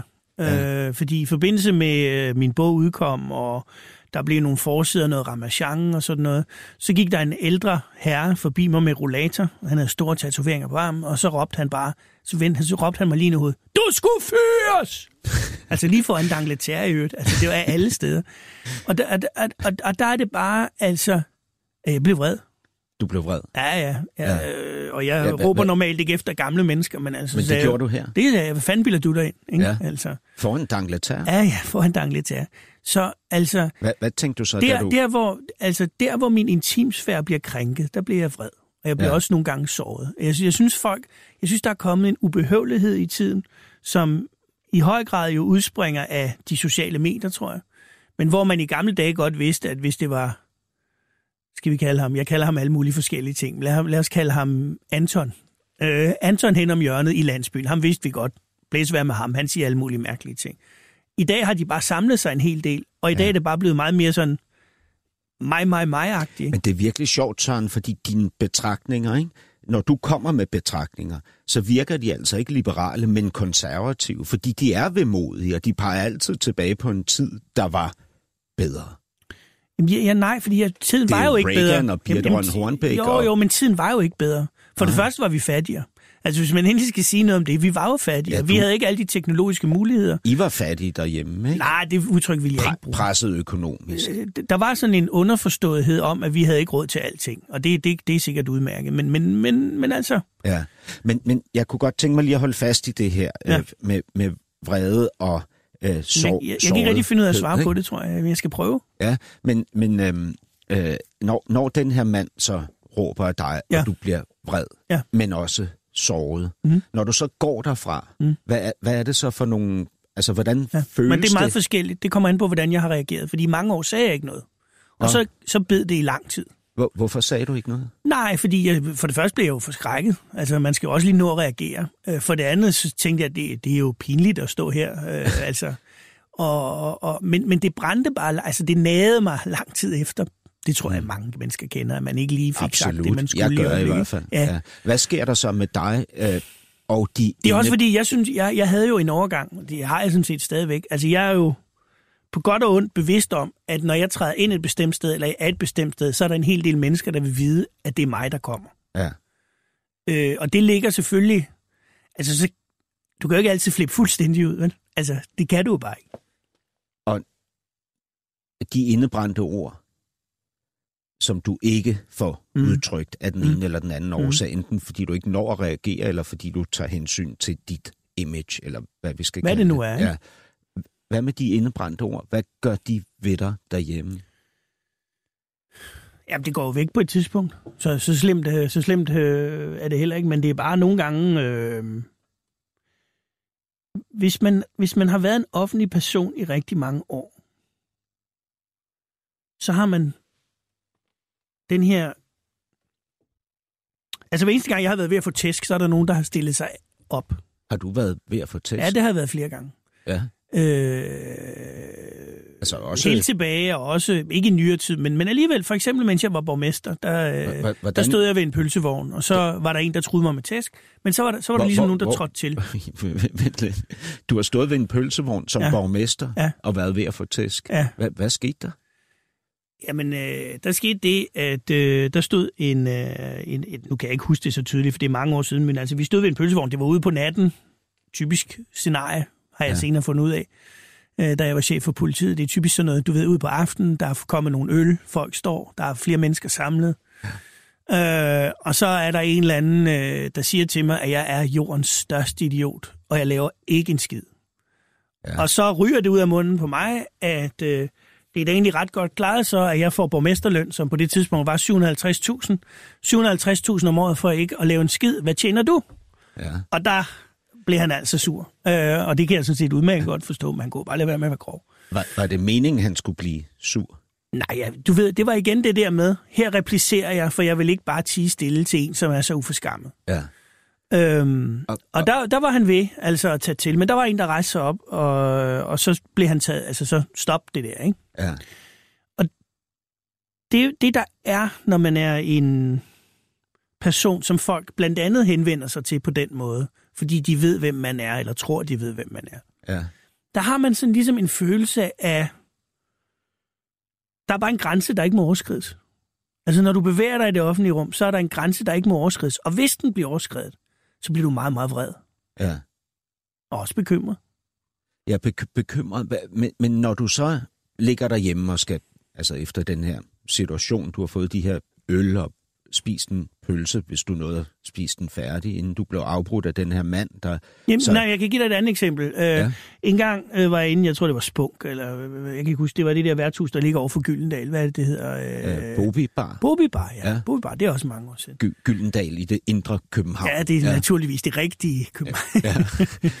der, øh, der var der lige pludselig en stor, stærk skaldet mand, som kom ind og kyssede mig på munden i lang tid, og jeg, jeg blev rasende. Altså, jeg gik hjem og alt muligt. Jeg synes, det var grænseoverskridende, ikke? Hvorfor, Fordi- hvorfor kyssede han dig? Ja, det ved jeg sgu ikke den dag i dag, øh, og det er heldigvis mange år siden. Men du ved, der var bare den der følelse af krænkelse. Du, du følte dig krænket? Ja, det gjorde jeg. simpelthen. Jeg var rasende. Og Det var meget og hvordan, uanmodet. For, for dig, hvordan oplevedes det ligesom i øjeblikket, at. Øh. føle dig krænket? Jamen, jeg følte... Øh, altså, det er, jo, det er jo fordi, hvis man... Hvis folk ved, hvem man er, og du sidder i et rum, så har du... Så har du en vis sårbarhed. Det har man jo.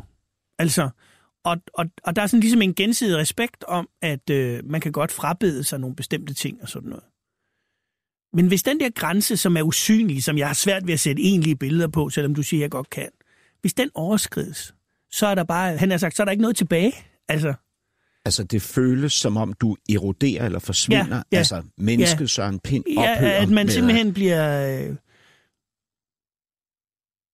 Er det det værste, man bliver man kan, krænket. er det det værste, man kan gøre ved dig? At overskride dine grænser? Øh, altså, jeg- kan formodentlig komme i tanke om noget værre, men jeg bryder mig ikke om det. Men, men når han så står der, den her store skaldede mand, og, og kysser dig længe på munden, hvordan, hvad gjorde du? Jamen, jeg prøvede fysisk? at skubbe ham væk, men han var jo meget stærkere end mig. Så du kunne simpelthen ikke komme fri Nej. af ham?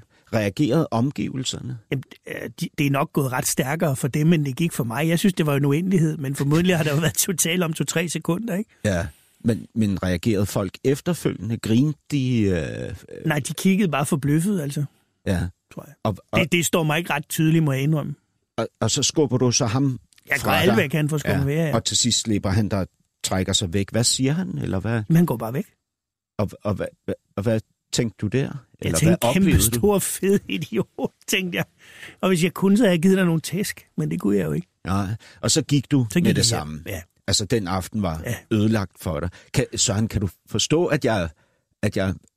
At, jeg ved ikke, om det virker, som om jeg snager på dig. Nej, det er okay. Men du forstår godt, hvorfor jeg er nysgerrig på det, ikke?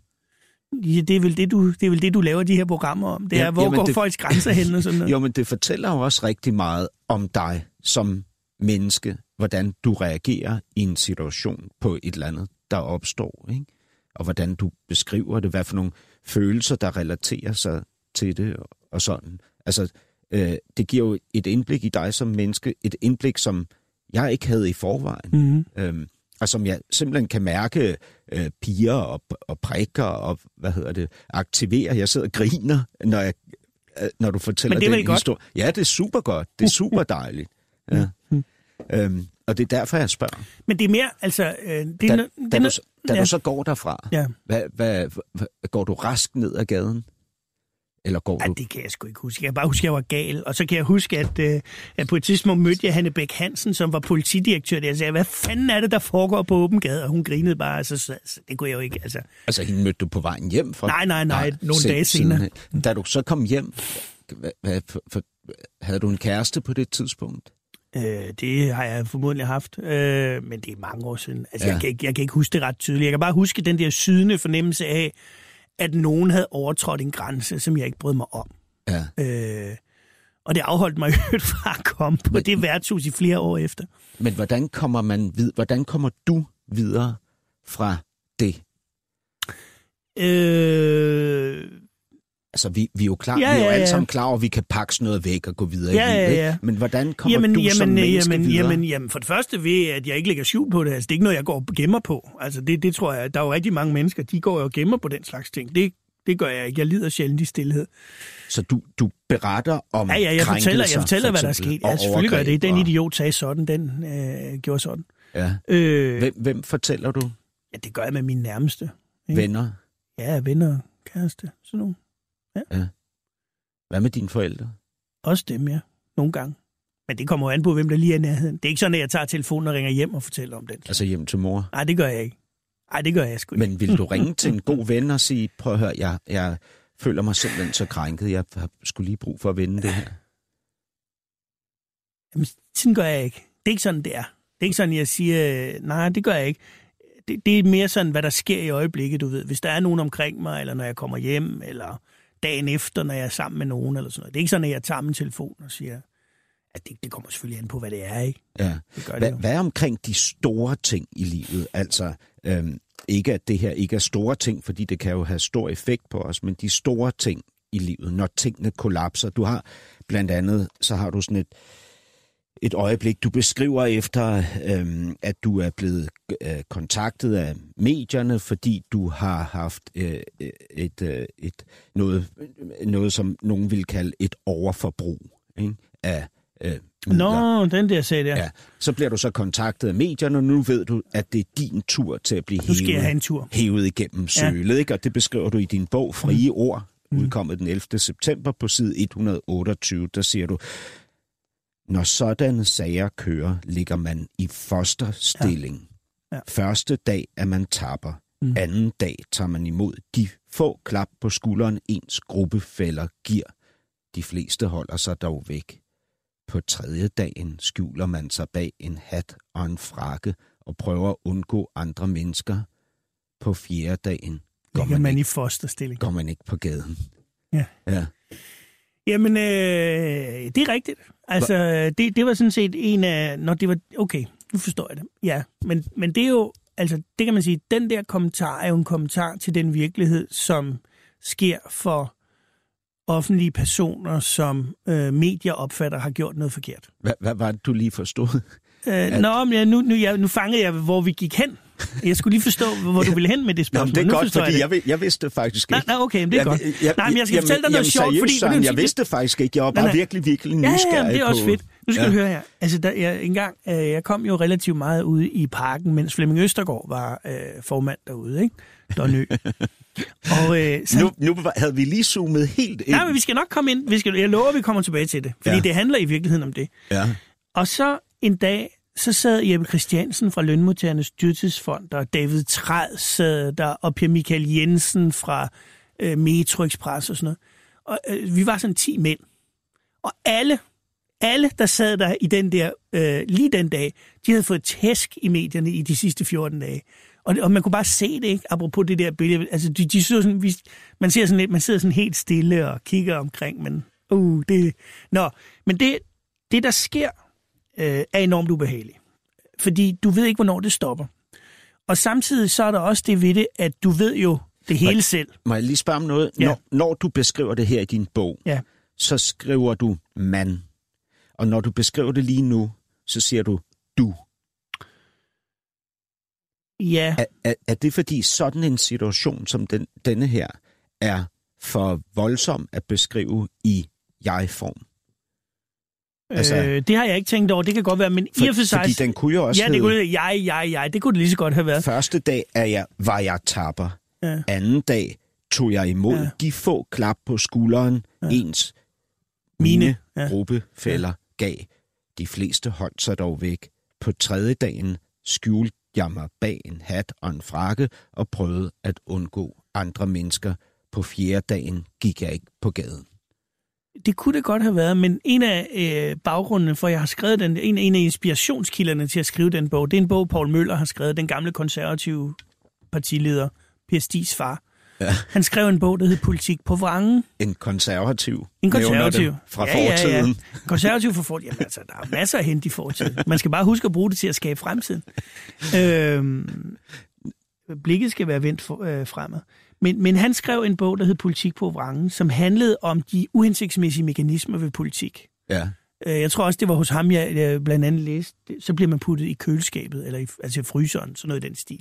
Altså det, det er sådan en metodik. Ja. Og for mig var den, lige præcis det, du slår ned på der, det var noget lignende. Det var en politisk metodik, som jeg ønskede at fortælle om, hvordan det foregår. Så derfor kunne jeg både selv være i den, men det er ikke kun mig, der oplever det sådan. Sådan vil folk, der Og- kører og- igennem Og det Ekstrabladet- forstår jeg. Ja. Men, men jeg tror faktisk for mig personligt, at jeg vil have øh, nemmere til, i hvert fald følelsesmæssigt, at relatere til den, hvis du havde skrevet jeg frem for mand. Ja. Følelsesmæssigt i hvert fald. Men jeg forstår godt, at du ligesom inkluderer alle dem, der har været ofre for det her, og alle dem, der frygter at blive det i ja. fremtiden. Ikke? Det er jeg helt med på, Du skal tænke på, at jeg har prøvet det mange gange. At blive Det slæbt, der, det, de der, de der igennem. ture der, ikke? Ja. Nin Hansen, igen Og en er- konservativ, han sagde jo... Jamen, han er sagde det så der, du ringer til dine bedste venner, din mor og din far? Ja, der vil din... der være ført nogle samtaler, men det der jo sker efter ikke tre dage, for eksempel, ikke? det er, så bliver man jo træls at høre på. Hva- hva- Så bliver du Man, træls at man høre bliver jo, på? ja, ja, jeg bliver træls, også Hva- jeg. Hvorfor bliver du Jamen, træls at fordi høre det på? bliver så pjevset. Altså, hvordan pjevset? Jamen, Hva- åh, jeg har det dårligt, det gør ondt, de, hvor er de onde alle sammen, og sådan noget, ikke? Og ja. Ja. det skal man have lov til, men man kan jo ikke overdænge sine venner hele Ej, jeg tiden. synes da i den grad, altså det er jo det frygteligste, det er da min største frygt, det er der at blive udsat for lige præcis det Ja. ja. der med at blive trukket igennem. Jo, men ikke? der er også en vis... Altså, det der. Og det kan godt være, det er... Um... Man skal ikke underkende stolthed. Altså, der kommer også en tid, hvor man, hvor man må sige, okay, jamen, jeg har gjort det her, det står i avisen, det er noget rigtig lort. Nu gider jeg simpelthen ikke at forstyrre andre mennesker med det, og så nu lider jeg selv. altså, og det, og det er så det sidste, man har, ikke? Det er selvlidelsen. Og det, Jeg byder lige velkommen til nye lytter, hvis du lige er kommet til derude. Velkommen til, du lytter til det næste kapitel, hvor Søren Pind, tidligere minister alt muligt andet, og nuværende forfatter, aktuel med bogen Frie Ord, udkom ved en tilfældighed den 11. september. Øhm, ej, det, ikke, det var ikke en tilfældighed, den udkom, men lige datoen var. Ja, øh, ja det har du ret i. øhm, øh, Søren er gæst hos mig. Jeg hedder Hassan Prejsler. Øh, Søren, det er sjovt, at du, at du gør dig til... Altså, at du giver, du giver dig selv tre døgn. Ja, eller fire. Altså, Eller det, Du må fire. ikke hæfte dig så meget ved det, vel? Og, og så synes du, at nu er det nok med det piveri. Nej, jeg Hvorfor- har simpelthen, jeg hvorfor? har også pevet i længere tid af gangen. Ja. Altså, jeg har, jeg du- har, har alle du- ikke haft dårlige år og sådan er du noget. ikke? Jeg ja, det er det, jeg mener, ikke? Ja. Jo, jo. Så det kender du godt. Jeg har, Og der pe- har- pevet i radioen i tre år nu. Ja. Det, det, det er hele min eksistens. Og jeg kender også venner, som ville sige til dig, at hvis du spurgte dem, så synes de, at jeg pev i meget lang tid en overgang over nogle ting. di- dine venner synes, Ja, nogle af mine venner, de, de vil for meget. Nej, det ved jeg ikke, om de synes, jeg piver for meget. Men der er nogen, som vil fortælle dig, at der har været selvfølgelig overgang i mit liv, hvor jeg hele tiden synes, at det hele var noget lort. Ikke? Ja. Og det er jo bare ikke ret inspirerende at være sammen med folk, der synes, det hele er noget lort hele tiden. Så derfor har jeg... Derfor, altså, det her det er et ideal, det jeg fremstiller for dig. Jeg vil helst have det sådan, at efter 3-4 dage, så må man videre til det næste. Men Kan det vi- lykkes kan jo ikke vi- altid. Kan vi udlede af det, du siger, at du, Søren Pind, har et ønske om, at du er inspirerende for andre mennesker? Du siger, at det er ikke særlig inspirerende at være sammen med Øh, Dig, når du piver. Nej, det ved jeg ikke, om jeg har et bevidst ønske om, men jeg har det der ønske om at stå op til en frisk dag, og ligesom øh, glæde mig over, at nu er der en ubeskrevet dag, som ligger foran mig, og, og den kan jeg tage fat på, uden alt for meget bagage. Ikke? Vil du også gerne have, at andre mennesker ser dig som sådan en, der står op frisk til en ny dag, uden for meget bagage? Øh, det her, det lyder måske... Øh, at, at, at, altså, jeg... Jeg tror, åren, som årene er gået, der er jeg blevet sådan lidt mere ligeglad med, hvordan folk de kigger på mig. Altså. Ja. Øh, Det er klart, at jeg har ikke noget ønske om... Øh, altså, jeg har de her værdigheds... Men, men, men, men altså, for mine nærmeste omgivelser vil jeg selvfølgelig gerne være en inspiration. Det er da klart. Jeg vil da gerne være en god far, en god kæreste. En... Det vil jeg da gerne. Selvfølgelig vil jeg det. Hvad er for dig en god far? Åh ja. ja, en god far. Det er en, som øh, retleder og vejleder, øh, tror jeg. Og, og som viser ubetinget kærlighed til sine børn. Altså, så de ved, at uanset hvad, øh, så, øh, så er de elsket. Jeg kan huske en gang, jeg spurgte den daværende biskop i København, Erik Norman Svendsen, der var et mysterium i kristendommen, jeg ikke forstod. Ja. Det handlede om det der sidste. Det var det der med tilgivelsen. Kender du det? Ja. Altså, hvordan kan det egentlig være, at den kristne, altså at Jesus tilgiver alle synder? Det er jo mærkeligt. Altså, nogle gange, det kan godt være, at du ikke ved det, men nogle gange så synder man jo bevidst. Ja. Det kender du sikkert ikke noget til. Jo, men, det gør Nå, jeg. det er godt. Ja. Fint. Så er vi på level her også. Ja. Øh, altså, at man nogle gange gør noget bevidst, som man selvfølgelig alligevel bliver ked af bagefter. Men teorien er jo i hvert fald inden for kristendommen, at det tilgiver Gud, Ja. øh, når bare du tror. Eller Ja. ikke bare, for der er ikke noget bare i det. Men når du tror, så bliver du tilgivet. Og jeg kunne ikke få det til at hænge sammen, apropos hele min katolske opvækst, og noget for noget, og de gode og de onde gerninger og sådan noget. Og så sagde han, øh, så sagde han til mig, jamen det mysterium tror jeg godt, jeg kan opklare for dig. Holder du nogensinde op med at elske dine børn? Og, og det, nu er jeg engang kommet galt af sted ved at skrive, øh, kom til at sige masser af monopolet. Jeg havde ikke hørt om nogen, der havde fortrudt, de havde fået deres børn, og så fik jeg de mest modbydelige e-mails bagefter. Men sådan har jeg det i hvert fald selv. At, at, At jeg- du ikke har fortrudt, at du... Ikke et øjeblik, og jeg Nej. elsker dem ubetinget. Og derfor forstod jeg det, og der, der vil jeg bare sige, det tror jeg er vigtigt, at børn ved det. Godt. Kunne du så opklare et mysterium for mig lige nu? Det ved jeg ikke, jeg kan prøve. Du siger, at det er vigtigt for dig som far, eller at en god far i dine øjne er en, der viser sine børn ubetinget kærlighed. Mm. Hvis vi skal have beskrevet, hvordan Søren Pind viser ubetinget kærlighed, hvordan kan vi så få det, uden at få et biskop-citat Nå. ind i ligningen? Jamen, altså det består jo sådan set Hvad? helt basalt i, at jeg fortæller dem meget ofte, at jeg elsker dem højt. Altså, jeg siger det jo, jeg formulerer det for dem. Gør du det? Ja, det gør jeg. Hva, Og jeg viser også, jeg viser det også. Ja, de er... Skal lige tilbage i mine papirer. Det er jo så længe siden, vi har talt om børnene. De er 13 og 16. Jamen, jeg taler ikke så meget om mine børn offentligt, men Nej. øh, Men vi kan tale om dig. mm, Hva, hva, hvad siger du til dem? Hvad siger du? jamen, jeg siger til dem, jeg elsker dig. Det gør jeg. Ho- holder du op? Ja, det gør jeg også. Altså, Jeg løfter dem op og krammer dem, og også den store på også den 16? store. Ja. Han er stadig heldigvis ikke blevet så gammel. Vi kan stadig godt nogle gange bare gå hånd i hånd. Det synes jeg er stort. Er det rigtigt? Ja, det er så stort. Det wow. var jo ikke, altså, det var jo ikke ret længe, men øh, det kan vi godt. Åh, men det er da, det er da noget at opnå, at ens søn på 16 har lyst til at gå hånd i hånd. Ja, men han kom forleden dag, så sagde han til mig, far, når jeg bliver rigtig stor, så vil jeg være ligesom dig. Jeg er stolt af dig. Sagde han bare, jeg var lige ved at tude, er det da han rigtigt? sagde det. Fordi Som det, 16-årig? det var alligevel noget. Men altså, ej, jeg, jeg, jeg er heldig stillet med det.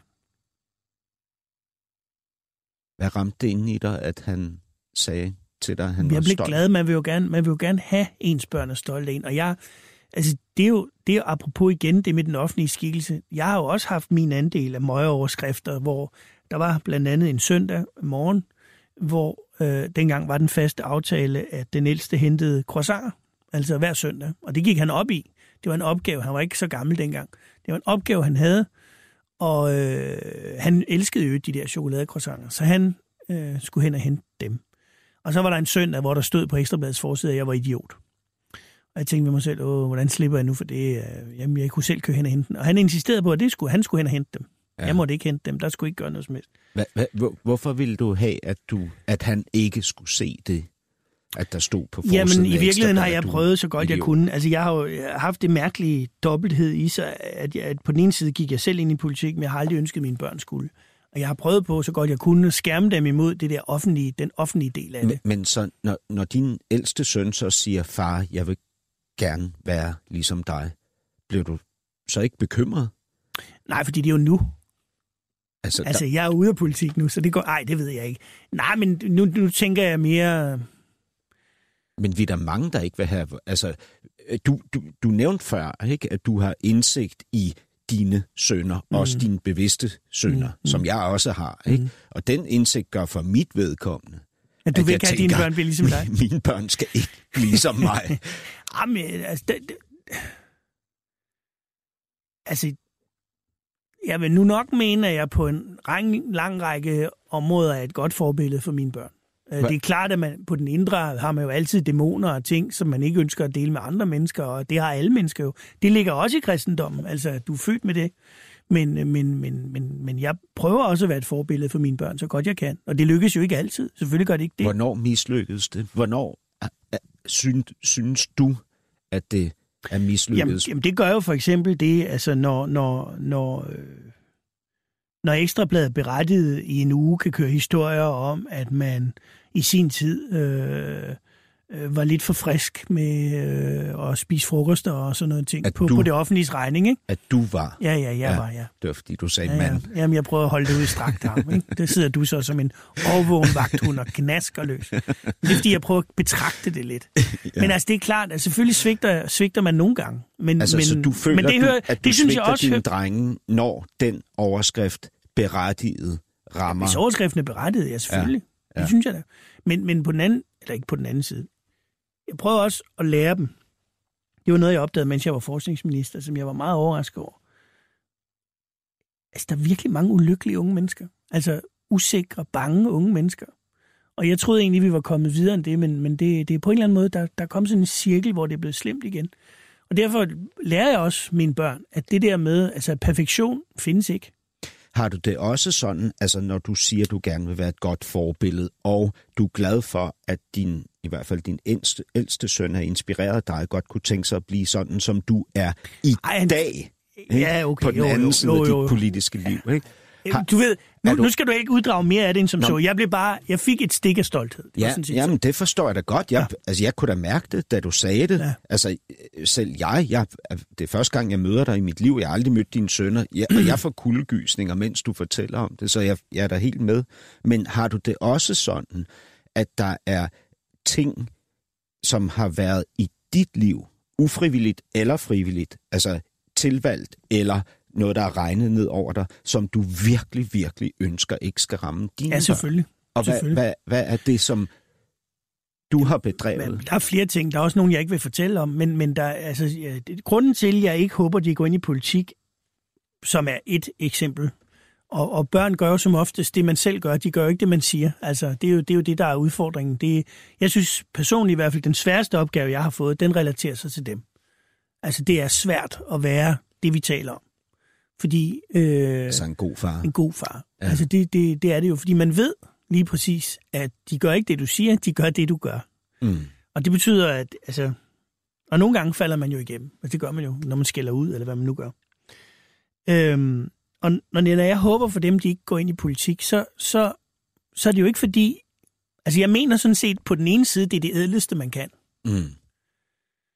Øhm, på den anden side, så synes jeg bare, at, at det minde, den måde, mennesker behandler hinanden på i det system, den håber jeg, at mine børn kan vil, vil spare sig selv for.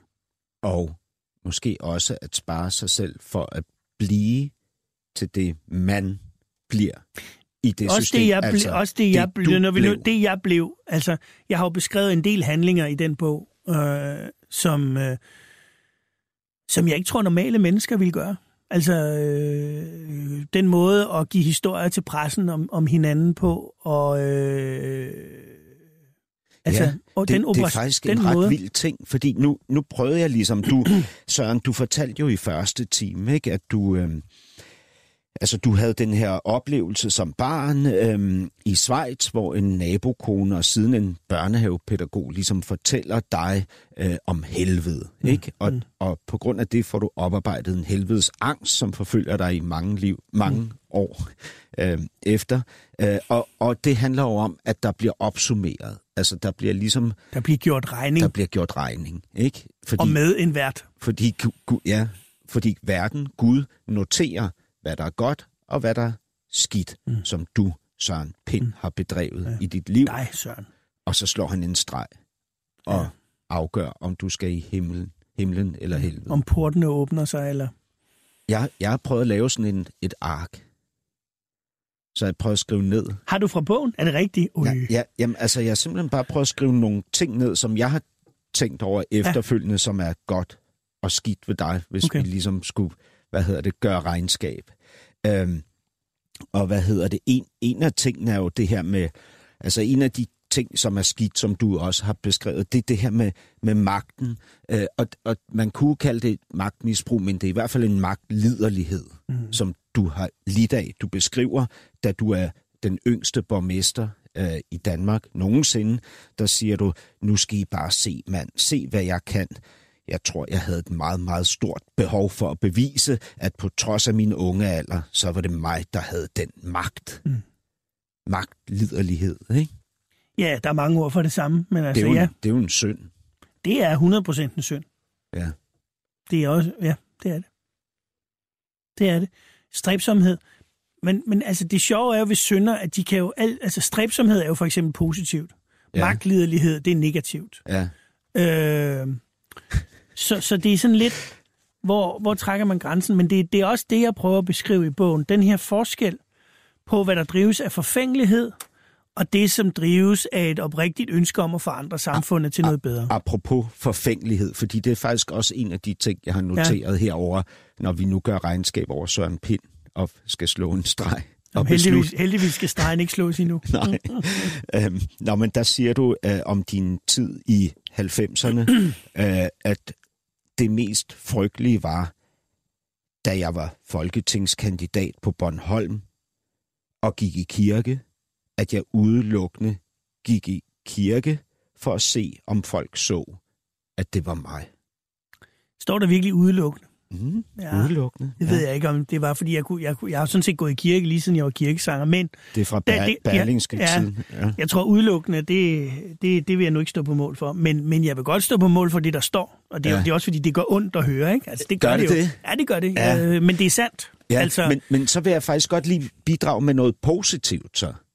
Fordi at, at, at altså noget til den gode side af regnskabet, ikke? Fordi at skildre ens magtliderlighed og forfængelighed, som du har gjort, det er usædvanligt modigt. Jeg havde det sådan, altså ja, det ved jeg ikke. Jeg, jeg, det at være i politik giver ikke... At skulle have været der så mange år, som jeg havde været der, uden at man engang imellem sagde det, man egentlig tænkte, det var, det var meningsløst. Og jeg synes ja. særligt, når man så skal skrive erindringer, det var meget sjovt. Jeg tror også, vi talte om det i den første time. Det her med, at Christi Dagblad ikke mente, det var, at alle, af, af alle dagblade, som mente Christi Dagblad ikke, blandt andet på baggrund af det der, at det var ikke en opbyggelig bog. Er du skuffet over den anmeldelse? Nej, det er jeg ikke. Hvad, hvad, hvad gør den det ved er dig? jeg ikke. Den, men, fordi men, jeg kan jo se, den gør noget ved dig. Bliver du vred, irriteret, føler du dig uretfærdigt Nej, behandlet? jeg, jeg, jeg, jeg, øh, han har sagt, jeg accepterer, at mine syndige rygstykker får nogle tæsk. Øh, øh, Har du det sådan, at du synes, at du har fortjent dit tæsk på baggrund af den her bog? Jeg, jeg, jeg synes, jeg synes grundlæggende jo ikke, at jeg har fået ret mange tekst, tæsk. Tvært- Tværtimod har jeg fået rigtig meget ros for bogen. Men der er også de der steder, hvor de jo siger det her med, at det her er ikke en opbyggelig bog. Og det øh, har de sådan set ret i. Det her er en bog, som jeg har søgt så nøgtern som muligt at skildre, hvordan moderne politik er, og hvordan jeg har ageret i moderne politik. Ja. Hvordan jeg har Ja, ageret. jeg ikke mand, men jeg. Jeg er Det fuldstændig prøver jeg. Uenig i analysen af din bog. Jeg synes i den grad, den er opbyggelig. Jamen, jamen, jamen det, det var sådan set det, jeg ville komme til. Fordi jeg synes, at hvis man skræller alting væk, hvis man kun ser det er jo en gammel diskussion imellem indre mission og, hvad skal man sige, grundvigianerne. Jamen det er det jo.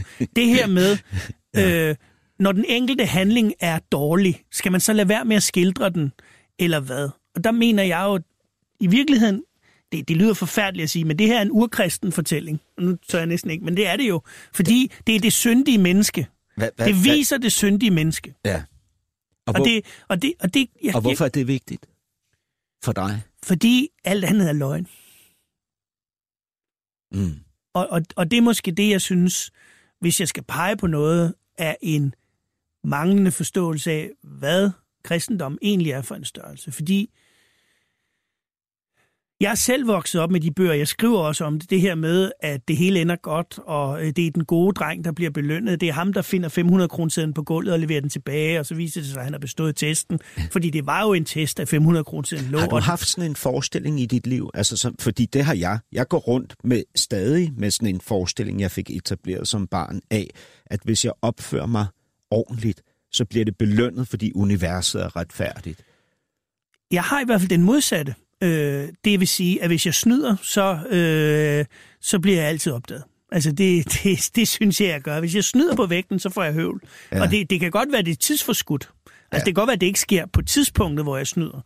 Men jeg, jeg betaler næsten altid en regning. Og på den måde er der en eller anden form for højere retfærdighed. Så de her ting, vi opsummerer, altså magt, liderligheden, det er mit ord, det har du ikke brugt, forfængeligheden, og det her med at sladre, at lægge historier om hinanden, som du jo også beskriver i bogen, at i det ene kapitel efter det andet, du har deltaget i, mm. også været offer for, men mm. deltaget i, altså mm. fældet folk ved at finde historier om dem og lægge dem.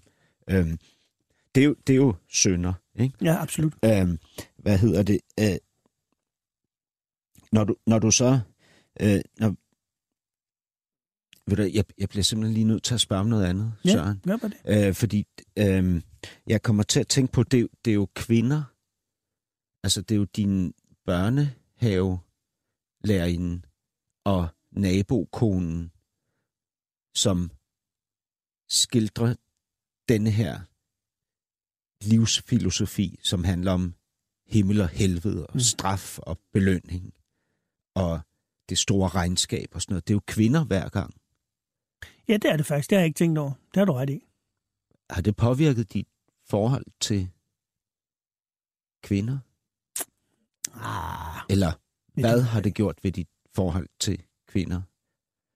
Hvis jeg skulle spørge mere åbent. det, det ved jeg ikke. Jeg, jeg elsker kvinder, så det kan jeg ikke sådan sige noget firkantet om. Ja, øh, det har jeg sgu ikke tænkt over. Din Altså. tillid til kvinder.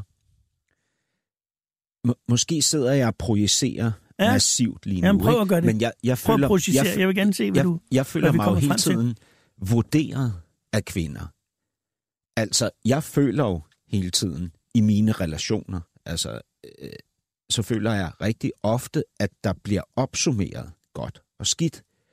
Og jeg, jeg synes faktisk, at når et forhold bliver det, altså en opsummering af, om jeg har gjort det godt eller skidt, om jeg skal straffes eller belønnes Mm. med det, der så kunne være hi- himmel eller Og helvede, helvede, ja. inde i parforholdet. Åh, oh, det minder om en Asnavur-sang, det der.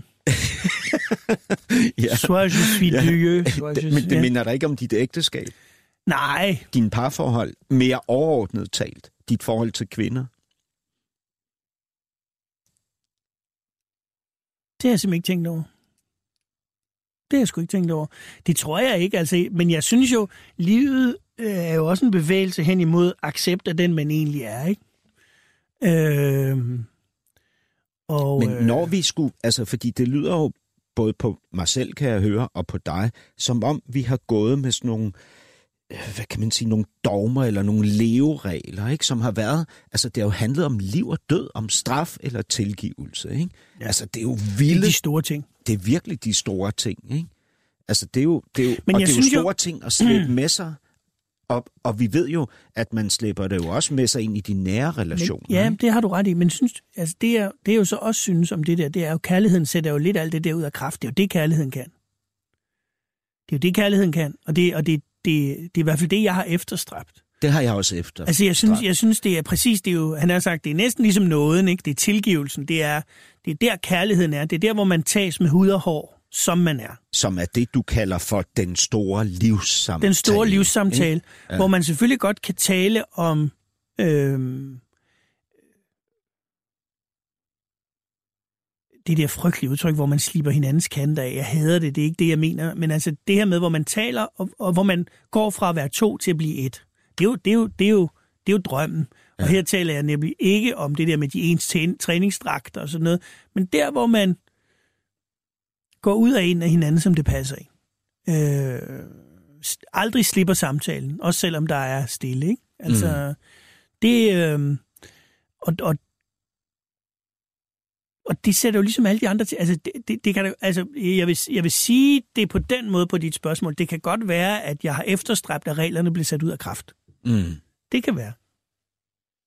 Altså reglerne.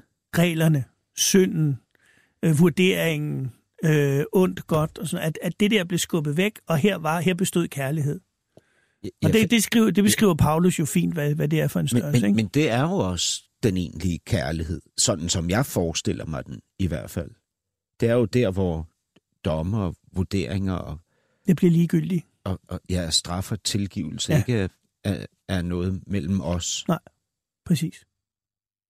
Og på den måde kan det jo godt have påvirket mig. Altså, at jeg har... At jeg har ja, det ved jeg ikke. Jeg har Men- ikke tænkt men- så meget over det. Men Søren, er du ikke skide bange for, at du aldrig når det der, at det bare er en illusion, Nej. og at virkeligheden er det der, som din gamle svejtiske nabokone og børnehavelærerinde beskrev, at det er bare straf eller belønning, opsummering af godt og skidt livet. Nej, altså ja, det her det lyder corny, men jeg, jeg har fundet en meget, meget stor ro i... Øhm, altså, der, da jeg virkelig forstod begrebet afsynd, så fandt jeg fred. Og det lyder, det lyder åndssvagt, men, det, men det, har, det har jeg altså. Jeg, fordi det, som jeg ofte synes, det moderne menneske slås med, det er det her perfektionskrav. Det er det her med, at hvis ikke du er perfekt, så bliver du straffet.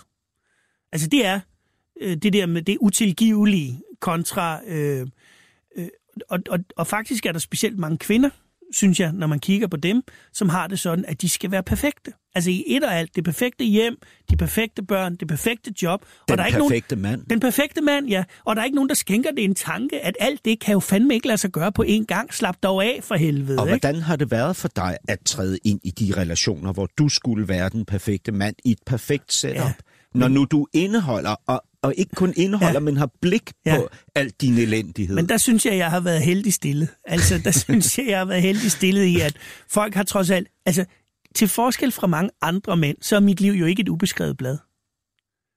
Det er jo i meget høj grad sådan, at folk ved godt, at jeg har ikke været ren som den reneste sne. Altså, og, hvem og der er- har været, der er- omgiver sig hvem er folk? Jamen, folk er folk, men det er også de kvinder, jeg har mødt, ikke? Okay, Altså, ja. øh, det er det også. Så, Og, og så de ved fra medierne, at du har skyggesider.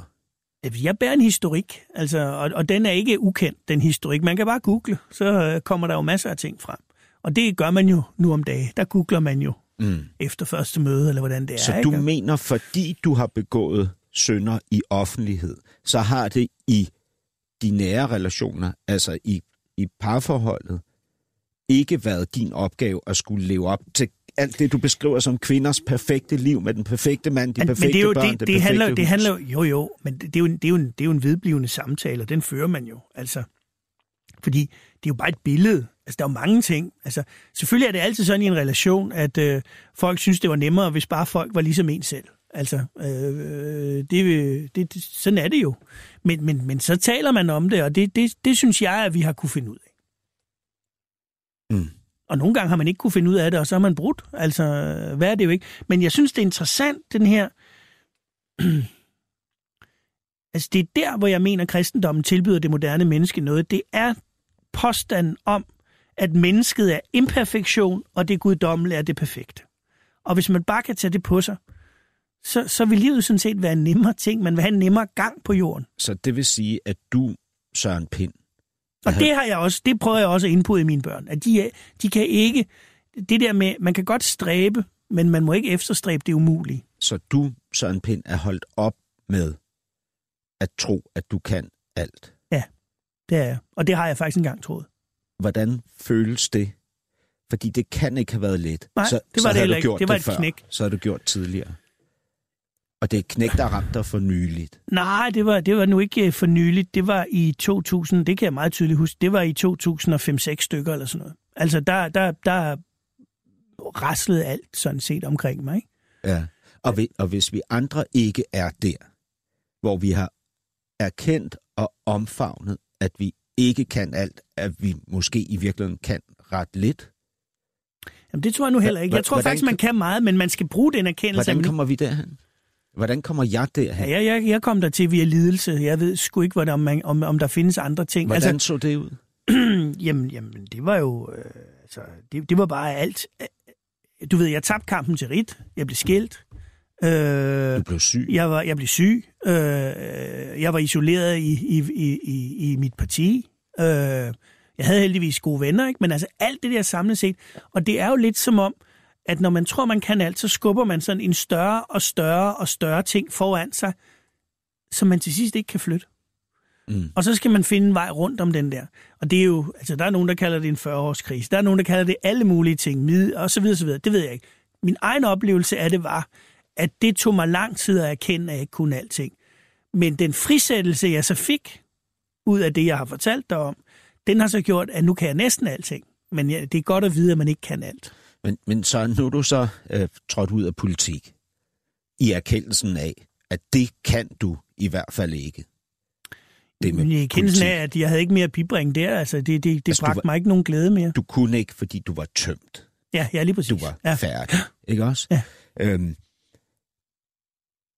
du bliver 50 om lidt. Ja. Jeg er lige fyldt 50. Hvordan var det? Jamen, det var, øh, det, det var smertefuldt op til og fuldstændig uproblematisk at komme hen over. Jamen, jeg glæder mig til det. Ja. Jeg glæder mig til min fødselsdag. Så Jeg glæder mig, fordi jamen, jeg skal have en stor fest, og der kommer Skal alle mine det? venner kommer, og, har du og vi får musik og sådan noget. Ja, jeg har faktisk endelig sørget for at få inviteret. Og hvor, hvor, hvordan skal den fest Det bliver ligesom med, være? der kommer, øh, der kommer underholdning, og der kommer, øh, øh, Jørgen Mylius kommer og spiller sidst på aftenen og sådan noget. Det, Skal du selv synge? det vil være en overraskelse i givet fald, men øh, Skal du holde tror, det bliver tale? sjovt. Jeg, jeg vil egentlig ikke have nogen... Jeg går lidt i øjeblikket og grubler på, hvilken model jeg kan få, så det ikke bliver 55.000 taler, fordi Ja. det, det, også det er jeg faktisk blevet træt af. Og ved du hvad, hvis jeg havde sagt det til dig for 10 år siden, så... Øh, mand, jeg elskede noget, alle de der taler, men jeg har faktisk opnået, apropos det, jeg er blevet lidt midt af det. Nu kan jeg bare godt tænke mig, at mine venner havde en god aften, og vi sammen havde en god aften. Der. Ved du at det var faktisk det, jeg indledte med. Jeg holdt tale til min fest, og havde også frabedt mig for mange taler, de skulle være korte og så videre. Men jeg indledte min aften med at sige, I her i dag, I er her alle sammen, fordi I har haft utrolig stor betydning for mig, og mm. Den her fest er min måde at sige tak. Ja, netop. Så noget i den stil. ikke? Ja, hvor er det fint. Uh, og så uh, ligesom give festen som gave til folk derude. Men Søren, det jeg ville spørge ham, 50-årig Søren Pind, om et øjeblik 50-årig Søren Pind, du har trukket dig fra politik. Du vender ikke tilbage, vel? En eller anden Det, dag. det, det tror jeg ikke. Altså, Tror? med mindre... Ja, fordi jeg har aldrig sagt, at jeg ikke gjorde. Nej. Men jeg har skrevet en bog, som Men- burde få folk til at tænke, at han vender nok ikke lige tilbage i morgen. Vil, vil du miste ret meget troværdighed, hvis du vender tilbage i morgen? Ja, i morgen. Ja, ja, men det gør jeg heller Altså, i ikke. morgen var jo et begreb. Nej, men nej, altså, jeg har aldrig lukket døren til politik. Men jeg synes, mekanismerne i moderne politik er utilfredsstillende. Dem har jeg prøvet at skildre, og så længe det er sådan, kommer jeg ikke tilbage. Det gør jeg ikke. Men jeg mener samtidig, Så- at politik er det ædleste, man kan, hvis det bliver bedrevet ordentligt. Men den måde, det bliver bedrevet på, og er blevet bedrevet på, i hvert fald siden 1998, kan du Nej. ikke eksistere i. Nej, så det vil ikke sige, længere. Jeg har prøvet det. mindre det politiske system fuldstændig forandrer sig, så kommer vi ikke til at se Søren Pind Ja, efterstræbe statsministerposten nej, det, lige to, om nej det, det gør du ikke, men, men, men det, det kan jeg i hvert fald ikke forestille mig. Men der, Vil du love mig det? nej, jeg lover ikke noget som helst, men jeg har, jeg har bare fået nok, Hassan. Men jeg og vil og jeg, gerne... jeg, har- jamen, jamen, du vil gerne være den første, der kan sige, at Søren Pind har sagt, at han aldrig kommer tilbage igen til politik. Nej, nej, og det du kommer jeg ikke jeg til at sige. gerne- du, Men hvad jeg, jeg gerne- tvivler meget på det. Jeg vil gerne se dig Fordi jeg vil gerne lave noget andet. om, 60, om, når du bliver 60 og når du bliver 70 også. Ja. Og jeg tror simpelthen ikke på, at, at du ville kunne det inde i det game der. Men det, det er jo sådan set også min egen erkendelse. Ja. Altså nu har jeg fået et dejligt projekt med det her cybersikkerhedsfirma, som vi opbygger. Vi er nået rigtig langt på det første år, Ja. og jeg har givet mig selv fem år til det. Ja. Og jeg synes, det er sjovt, fordi jeg kan selv bestemme. Der er ikke en eller anden straffende Gud, der kommer foran og siger, nu flytter jeg dig lige derhen, lad jeg gøre sådan og sådan og sådan. Okay, og det var ikke et forsøg her op Nej, mod nej. slutningen at, øh, på, fra min side på at blive den straffende Gud, at jeg opsummerer. Øh, Søren Pind, tusind tak for din mod og din ærlighed og din deltagelse som gæst her i det næste kapitel. Tilrettelægger var Peter Lindskov, producer Ninette Birk.